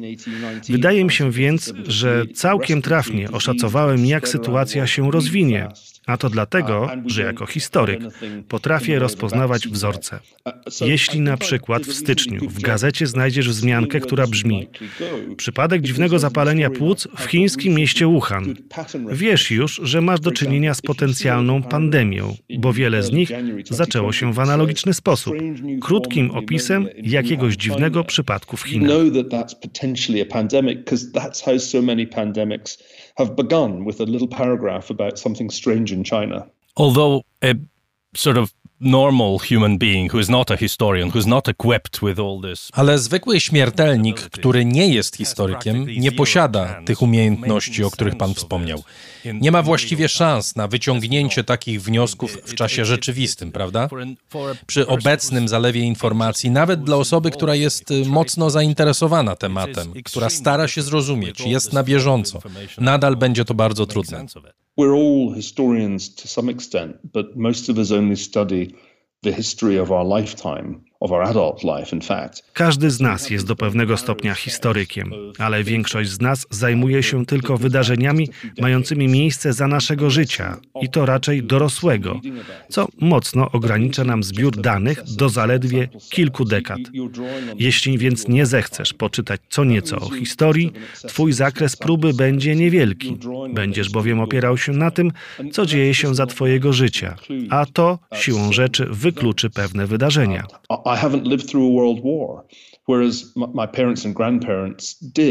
Ja nie żyłem w czasie wojny światowej, ale już moi rodzice i dziadkowie tak. Dlatego powinienem o tych wojnach poczytać, żeby dowiedzieć się, co i jak się wtedy działo. Na tej samej zasadzie ludzie młodsi od nas, osoby po dwudziestce czy trzydziestce, nie mają pojęcia o życiu w czasach wysokiej inflacji, ponieważ w trakcie swojego życia nie doświadczyli jej, o ile nie mieszkają na przykład w Wenezueli.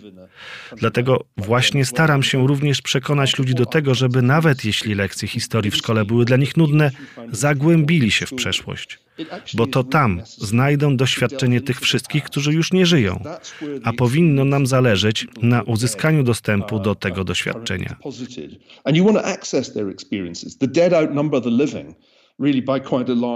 W końcu umarłych jest dużo więcej niż żyjących. Jeśli będziemy polegać tylko na tym, co nazywamy przeżytym doświadczeniem, jakby było jakieś inne, będziemy źle rozumieć świat i bagatelizować wydarzenia w rodzaju wybuchu pandemii czy kolejnej wojny światowej. Po prostu dlatego, że sami ich nie doświadczyliśmy i nie znamy ich skali ani oddziaływania likely scale and impact. One other thing I wanted to ask you about COVID in particular Chciałbym spytać o jeszcze jedną rzecz związaną z COVID-em, bo gdy wydarzają się takie rzeczy jak pandemia, często postrzegamy jej jako coś, co kompletnie zmienia nasze życie. Wspomniał Pan o II wojnie światowej, nie przeżył jej Pan, ja też nie, ale czytaliśmy na ten temat, słyszeliśmy też ludzi mówiących, świat po wojnie nie będzie już taki sam. Wielki polski poeta powiedział kiedyś, że po II wojnie światowej pisanie poezji jest niemożliwe. Tymczasem jest możliwe on sam ją pisał. Tak samo, mimo II wojny, ludzie nadal zabijają innych, a po Auschwitz nadal dochodzi do eksterminacji całych narodów. Ludzie właściwie cały czas powtarzają zło z przeszłości. Nie uczymy się na błędach, prawda? Banałem byłoby stwierdzenie, że wyciągamy wnioski z historii. It's banal to say that we learn from history. We don't learn from history. This is the central problem of our species that even when we study the past, uh, we, we don't arrive at, at clear enough uh, answers to, to To chyba największy problem naszego gatunku, że nawet jeśli badamy przeszłość, nie dochodzimy do jasnych odpowiedzi na kluczowe pytania. Jak uniknąć kolejnej wojny, kolejnego ludobójstwa, kolejnej pandemii? Nie oznacza to, że jesteśmy skazani na powielanie błędów z przeszłości, bo prawdę mówiąc, w przeszłości były momenty, kiedy groził nam wybuch III wojny światowej, a uniknęliśmy tego. Świat był o włos od III wojny światowej co najmniej dwa razy podczas zimnej wojny. Możemy więc pogratulować sobie choćby tego i faktu, że nie mieliśmy jeszcze II wojny światowej w wersji atomowej. about the dangers of, of tyranny Myślę też, że jesteśmy bardziej świadomi zagrożeń płynących z tyranii. Jedną z lekcji, które dała nam historia, jest to, co się dzieje, gdy republiki zamieniają się w dyktatury. A to znamy z najdawniejszych czasów, już od starożytnych Greków i Rzymian. Tę lekcję odebraliśmy ponownie w renesansie. Za czasów prezydentury Trumpa, kiedy moi liberalni znajomi byli przerażeni tym, że on zniszczy demokrację i ustanowi jakiś autorytarny system, to się jednak nie wydarzyło.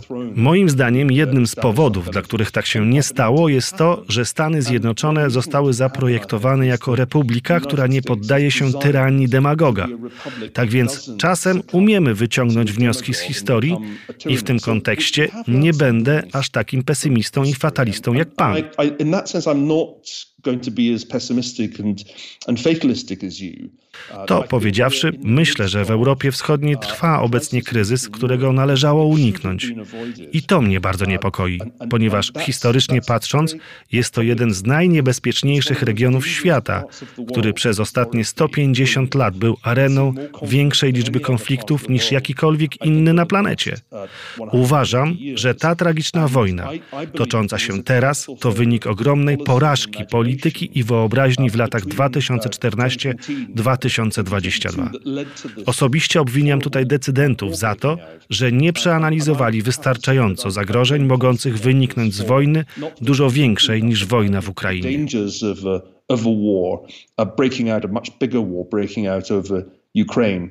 Henry Kissinger is one of those people who spent a career trying to apply history. Henry Kissinger to jedna z tych osób, która przez całe życie zawodowe starała się bazować na związkach historii z teraźniejszością. Ostatnio został bardzo skrytykowany za swoją wypowiedź podczas Światowego Forum Ekonomicznego.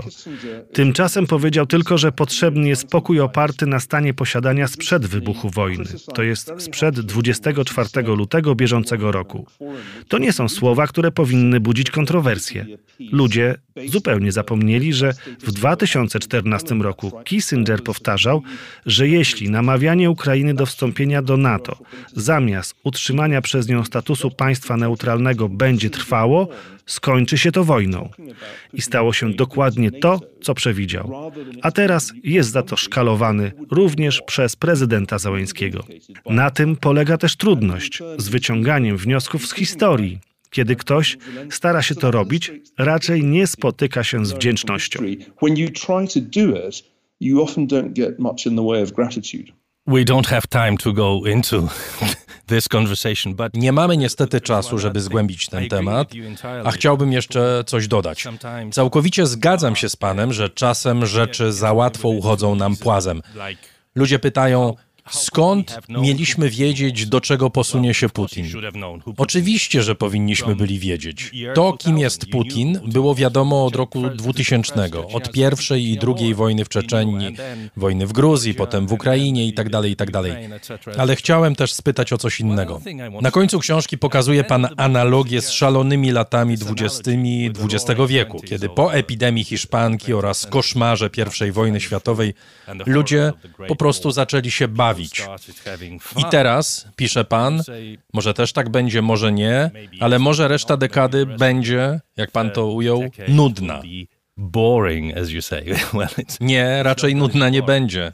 Ale rzeczywiście trudno tutaj było coś przewidzieć. It was hard to predict. Well, my friend Nicholas Christakis said maybe it'll be like the Roaring Twenties in the 1920s. Mój przyjaciel powiedział, że może znowu to będą szalone lata dwudzieste. Na co ja odparłem, że szalony to może będzie rok 2021 i to by było na tyle. W USA w 2021 roku gospodarka rzeczywiście oszalała. I to do tego stopnia, że skończyliśmy z poważną inflacją i niezbędne było działanie rezerwy federalnej. A jeśli chodzi o zabawę i imprezowanie, takie jakie miało miejsce w latach dwudziestych ubiegłego wieku, Cóż, ludzie tylko o tym marzą. Widać, że teraz, w lecie, chcą podróżować i cieszyć się życiem w sposób, który nie był możliwy w 2020 czy 2021 roku.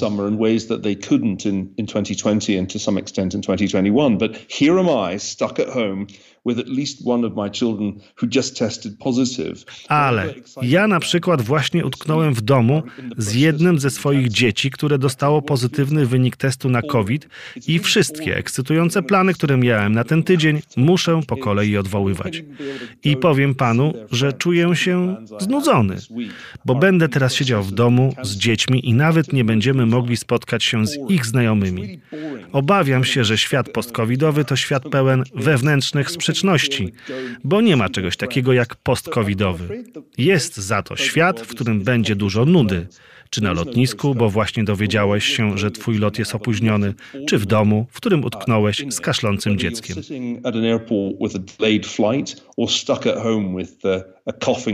Obviously it's not gonna be boring in Europe. Cóż, myślę, że Europie Środkowej nuda nie grozi.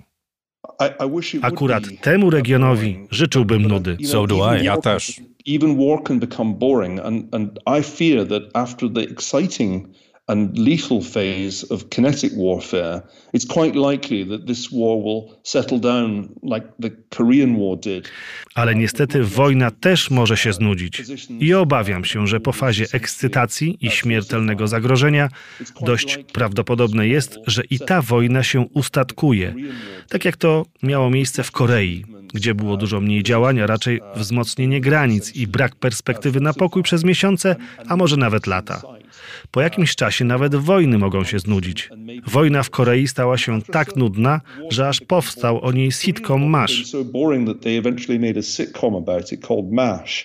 And for me, the nightmare scenario is that at some point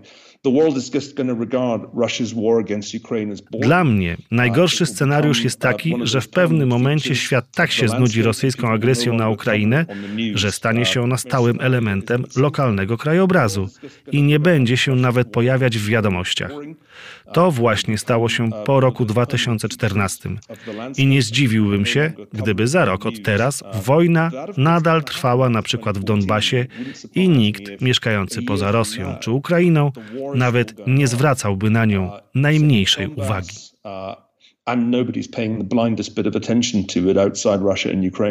Niall Ferguson, thank you very much. Thanks for your time. Thank you. Z Najalem Fergusonem rozmawiał Dariusz Rosiak, tłumaczenie czytał Michał Żakowski z Radia 357. Zachęcamy do słuchania audycji Michała w niedzielę o 14. Audycja nazywa się Na dachu świata. Mamy też dla Państwa kilka egzemplarzy książki Najala Fergusona. Jeżeli są Państwo zainteresowani, proszę pisać na nasz adres raportrosiaka.gmail.com. A teraz podziękowania od nas dla Państwa, wszystkich tych, którzy nas słuchają i wspierają.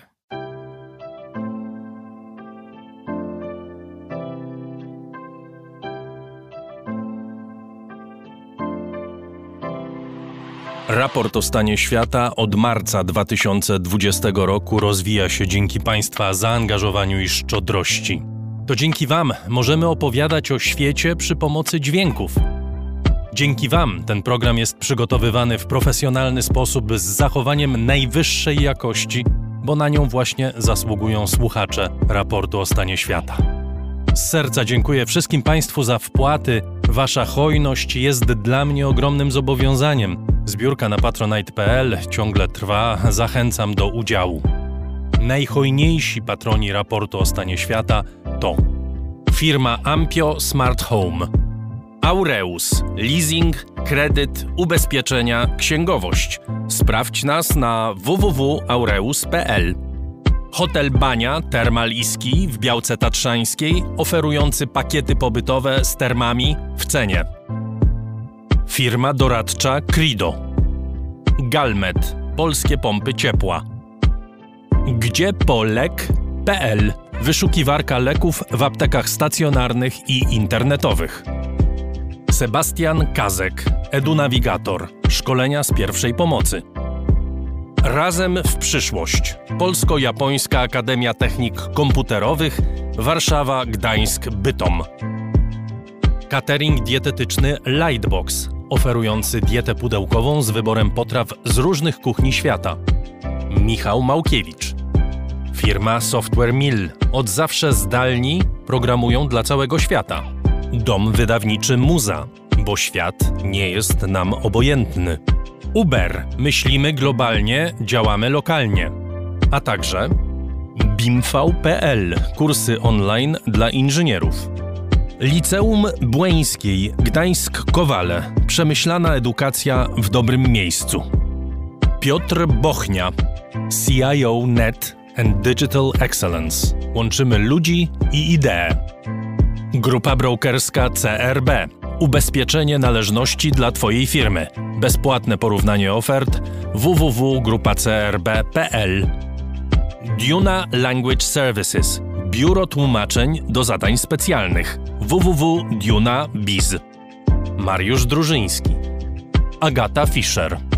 Marek Jerzewski JMP z miłości do sportu, z najlepszych tkanin w sercu Podhala szyjemy dla Was porządną odzież. Palarnia kawy La Cafo z Augustowa. LSB Data. Dedykowane aplikacje internetowe dla biznesu. Masz pomysł? Zrealizujemy go. lsbdata.com Wydawnictwo Uniwersytetu Łódzkiego. Wydawca książek serii Krótkie Wprowadzenie.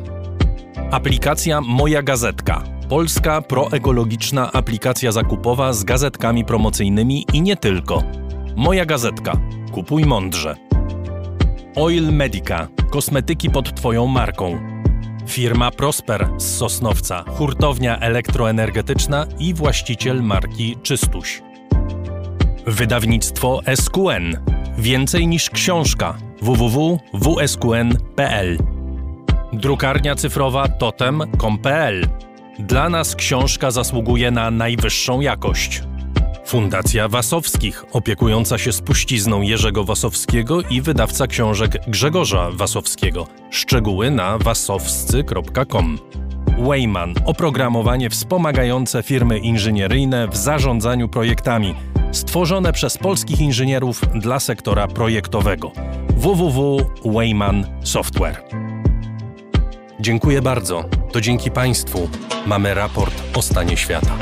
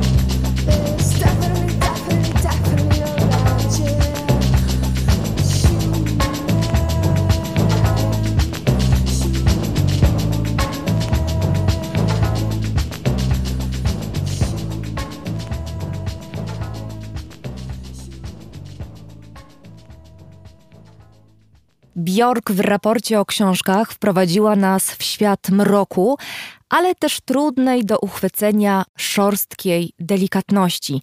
Oczywiście szorstkość wyklucza delikatność, ale po to istnieje właśnie sztuka, a w tym literatura, żeby splatać ze sobą takie przeciwieństwa. Taka jest właśnie nowa książka wydana nakładem wydawnictwa Artrage Moi mężczyźni autorstwa norweskiej pisarki Wiktorii Kieland. Poetycka i brutalna. Opowiada historię norweskiej służącej, która w drugiej połowie XIX wieku wyemigrowała do Ameryki. Urodziła się jako Brynhild, potem zmieniła imię na Bell, przeszła do historii jako Bell Gunes czy też Bell z Laporte i zapisała się wyjątkowo krwawo na kartach norweskiej i amerykańskiej historii początku XX wieku. A jednak książka Wiktorii Kieland nie jest kryminałem. Miałam przyjemność rozmawiać z autorką i na początek poprosiłam ją, żeby opowiedziała, kim była Belle Gunes. The story about Belle is um, is easiest told by starting with the end. Uh, Historię Belle najłatwiej opowiedzieć zaczynając od końca, bo dopiero wtedy wychodzi na jaw, uh, kim tak naprawdę była. Uh, Trzeba więc zacząć od pewnego kwietniowego poranka 1908 roku, kiedy doszczętnie spłonęła farma, na której mieszkała. W pogorzelisku znaleziono ciało kobiety bez głowy oraz zwłoki trojga dzieci ruins of the fire, um, they found one female body without a head and three the corpses of three children.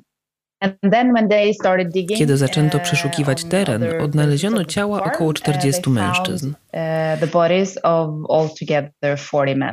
Wtedy wyszło na jaw, że Belle Gunes nie była zwykłą wdową, która żyła na obrzeżach Chicago, lecz była kobietą, która dopuszczała się straszliwych zbrodni. Had probably been doing really horrible things.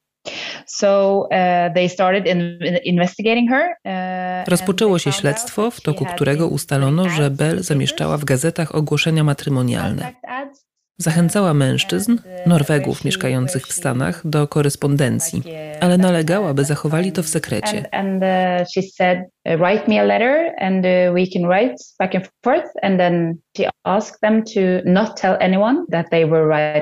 uh. W kolejnych listach nakłaniała ich, by sprzedali cały swój majątek, ziemię, zwierzęta, cokolwiek było w ich posiadaniu. I przywieźli jej pieniądze jako dowód oddania. W zamian obiecywała, że będą żyć długo i szczęśliwie, ale żaden z tych mężczyzn nie żył długo i szczęśliwie, bo ich zabijała i przywłaszczała sobie ich pieniądze.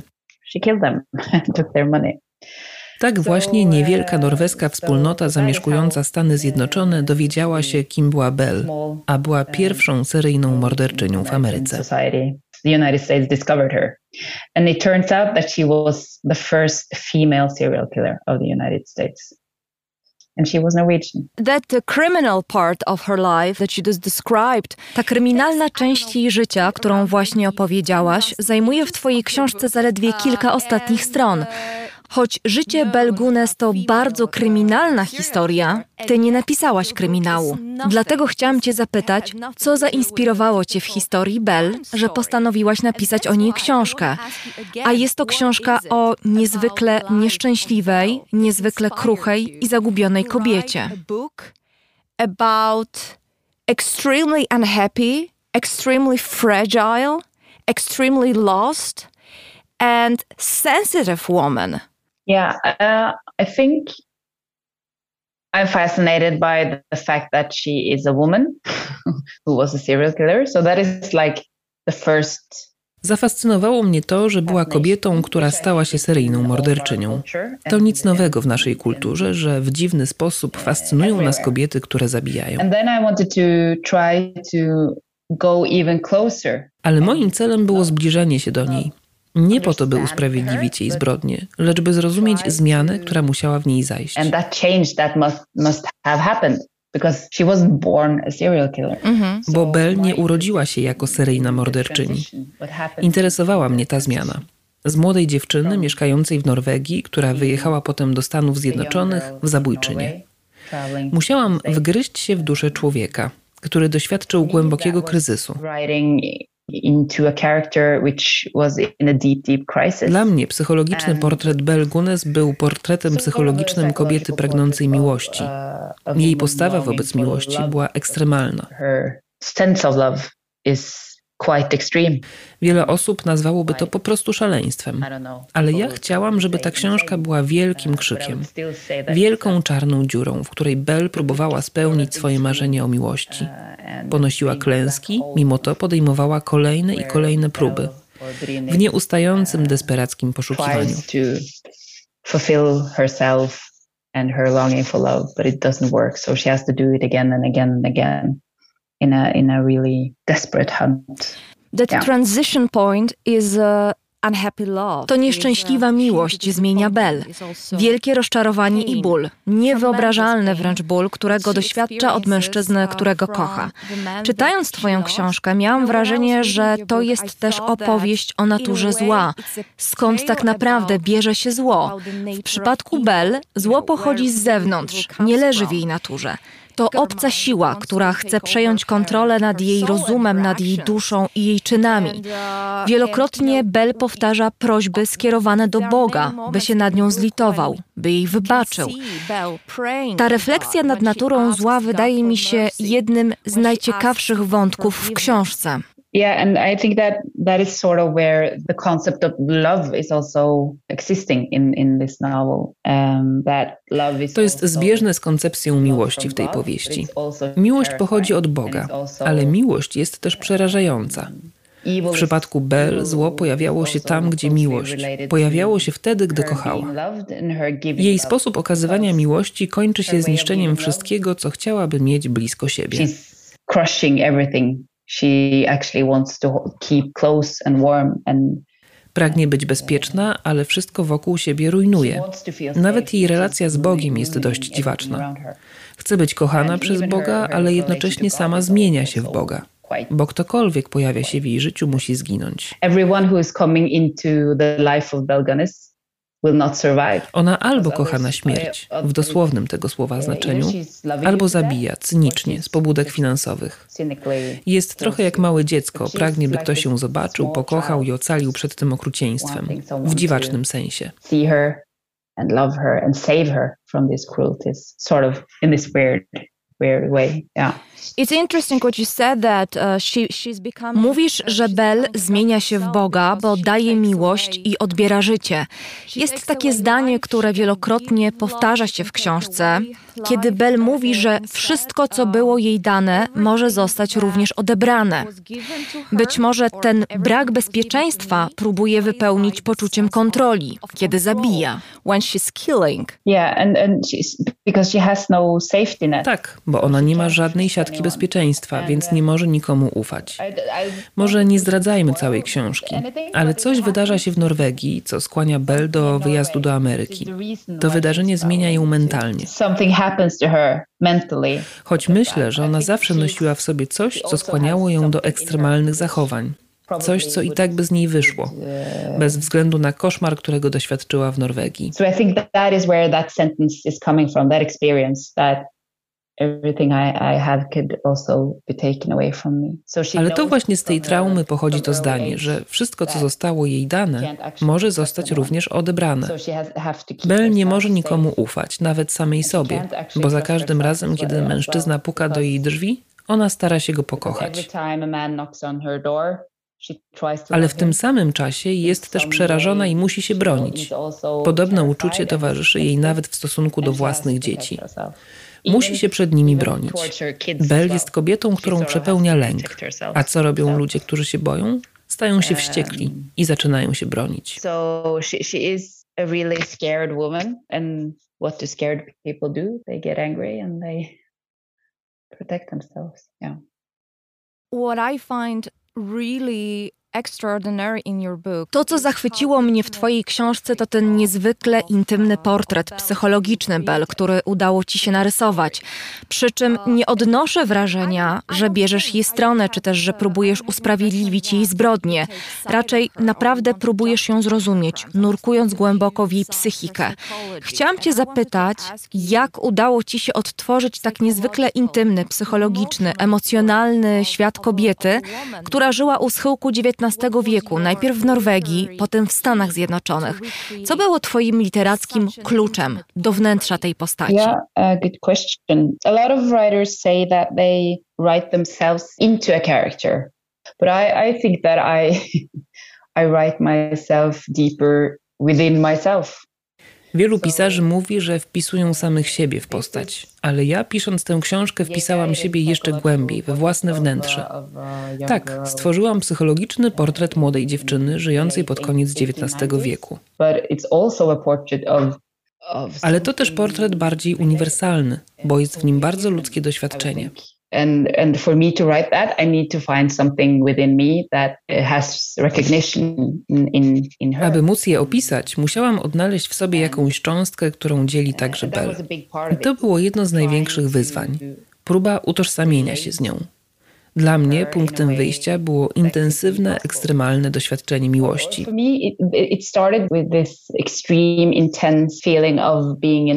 W tym obszarze wykorzystywałam własne uczucia, by stworzyć Bell.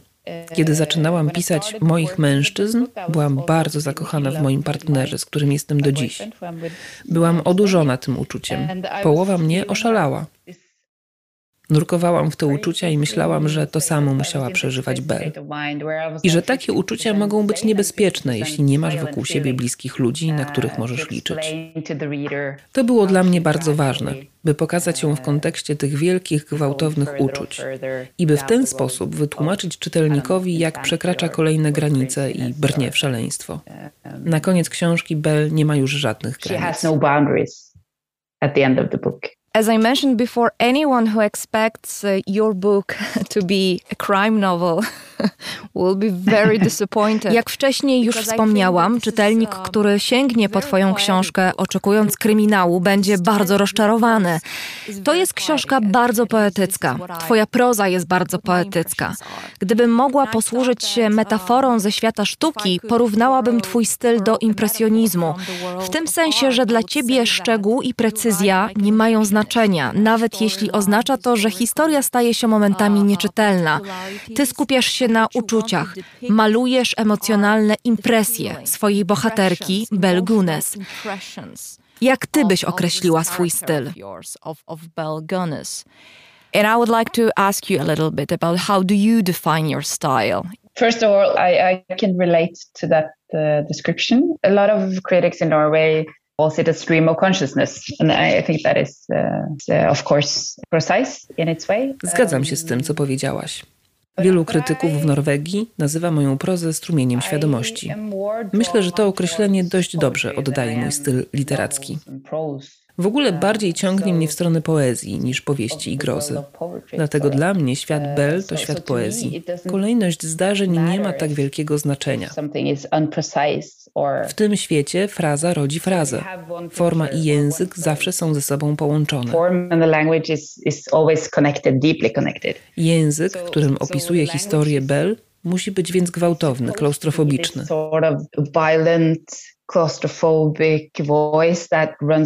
Czytelnik musi brać głębokie oddechy i podążać dalej za tym głosem. Musi dać się ponieść książce. Myślę, że udało mi się osiągnąć ten efekt. Jednak wielu czytelników to denerwuje. Zamykają książkę i odkładają na półkę. Um, if the reader goes with the flow, ale jeśli czytelnik da się ponieść, będzie bliski doświadczenia desperacji tej kobiety. Desperacji, która tkwiła w jej ciele, poza nim w języku, jakim się posługiwała, we wszystkim.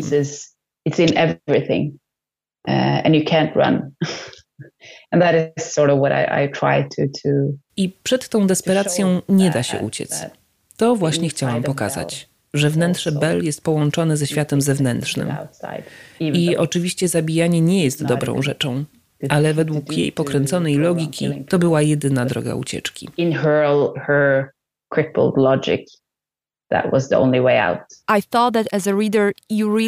Miałam wrażenie, że czytelnik musi poddać się twojej prozie. Nie powinien szukać logiki, powinien pozwolić sobie na bycie zagubionym, nie chcieć wszystkiego zrozumieć, tylko się poddać.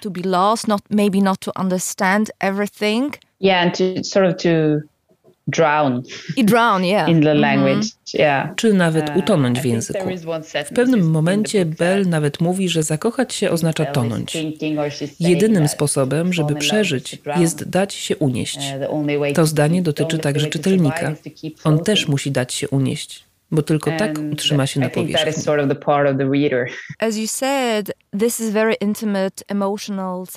Moi mężczyźni to, jak wielokrotnie już powiedziałyśmy, intymny, psychologiczny portret kobiety. Ale to nie znaczy, że kontekst historyczny nie jest istotny.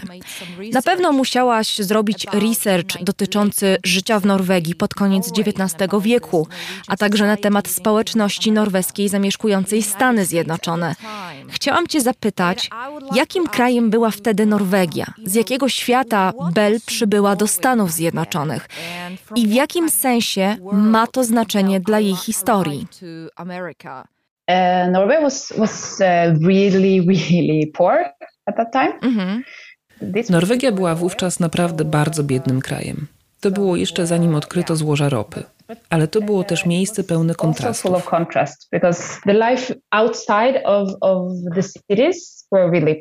Bo prowincja była bardzo uboga i zacofana, zaś stolica, Oslo, w tamtym czasie była już bardzo nowoczesna. Koniec XIX wieku to czasy, w których pisał Henrik Ibsen. Wywodził się więc z tych samych czasów co Bell. Tylko, że żyli w dwóch różnych światach, bo on był naprawdę bogatym mężczyzną mieszkającym w mieście, a ona bardzo biedną, młodą dziewczyną z malutkiej wioski. Uh, Bell udało się zaliczyć kilka klas, ale to nie była wtedy norma. Wiele dzieci w ogóle nie chodziło do szkoły. Były od razu wysyłane do pracy. W tamtym czasie wielu Norwegów podróżowało po świecie w poszukiwaniu lepszego życia. Bell mogła wyjechać do Stanów Zjednoczonych tylko dlatego, że wcześniej jej siostra osiedliła się w Chicago. I to ona zapłaciła za bilet. And uh, uh, sort of a lot of Norwegians live, live the American dream that Wielu Norwegów chciało w tamtym czasie przeżyć amerykański sen, uciec od wszystkich problemów i zbudować nowe, lepsze życie w Ameryce. To się właśnie przydarzyło Bell. Bardzo szybko z biednej dziewczyny stała się bogatą kobietą, choć zrobiła to w koszmarny sposób. But yeah she did it in a horrible way but still yeah. Which makes it which um, makes it quite american story. I mean co czyni z historii o Belle Gunness bardzo amerykańską opowieść. początki osadnictwa w Stanach Zjednoczonych są przecież przepełnione przemocą. which is full of violence as well and, and it resonates in a story of Belle. Yeah. To prawda. Choć Bell otacza się w zasadzie tylko Norwegami, na jej farmie pracował tylko jeden amerykański chłopak. To dlatego, że wszyscy ją ostrzegali, że młode kobiety muszą mieć się na baczności, bo mogą stać się ofiarą ataku, gwałtu, morderstwa itd. Tak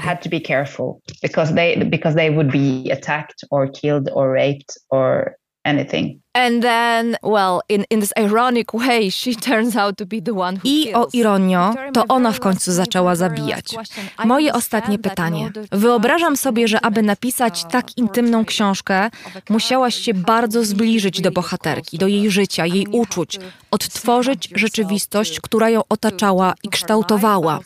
Co to było za doświadczenie? Wniknąć głęboko w tak tragiczne i brutalne życie to, to be so close to such a tragic, such a violent life of, of, of Belle. I kind of see her as very human. Widzę Belle w bardzo ludzki sposób i staram się ją przedstawić przede wszystkim jako człowieka. Dziś w Norwegii ofiarami morderstw najczęściej padają kobiety z rąk swoich partnerów. W historii Belle jest na odwrót. Choć tak jak w przypadku współczesnych zbrodni, tak i w jej przypadku przemoc jest ściśle związana z seksualnością. To właśnie starałam się pokazać. Chciałam spojrzeć na te zbrodnie poza kategoriami dobra i zła i to było naprawdę wyczerpujące. this in a different way beyond good and evil. So that, so that has been sort of exhausting for me. Nie próbuję jej wybaczyć ani usprawiedliwić jej zbrodni, tylko zrozumieć, bo temu przecież służy literatura. To próba zrozumienia nieznanego. Literatura to próba zrozumienia nieznanego.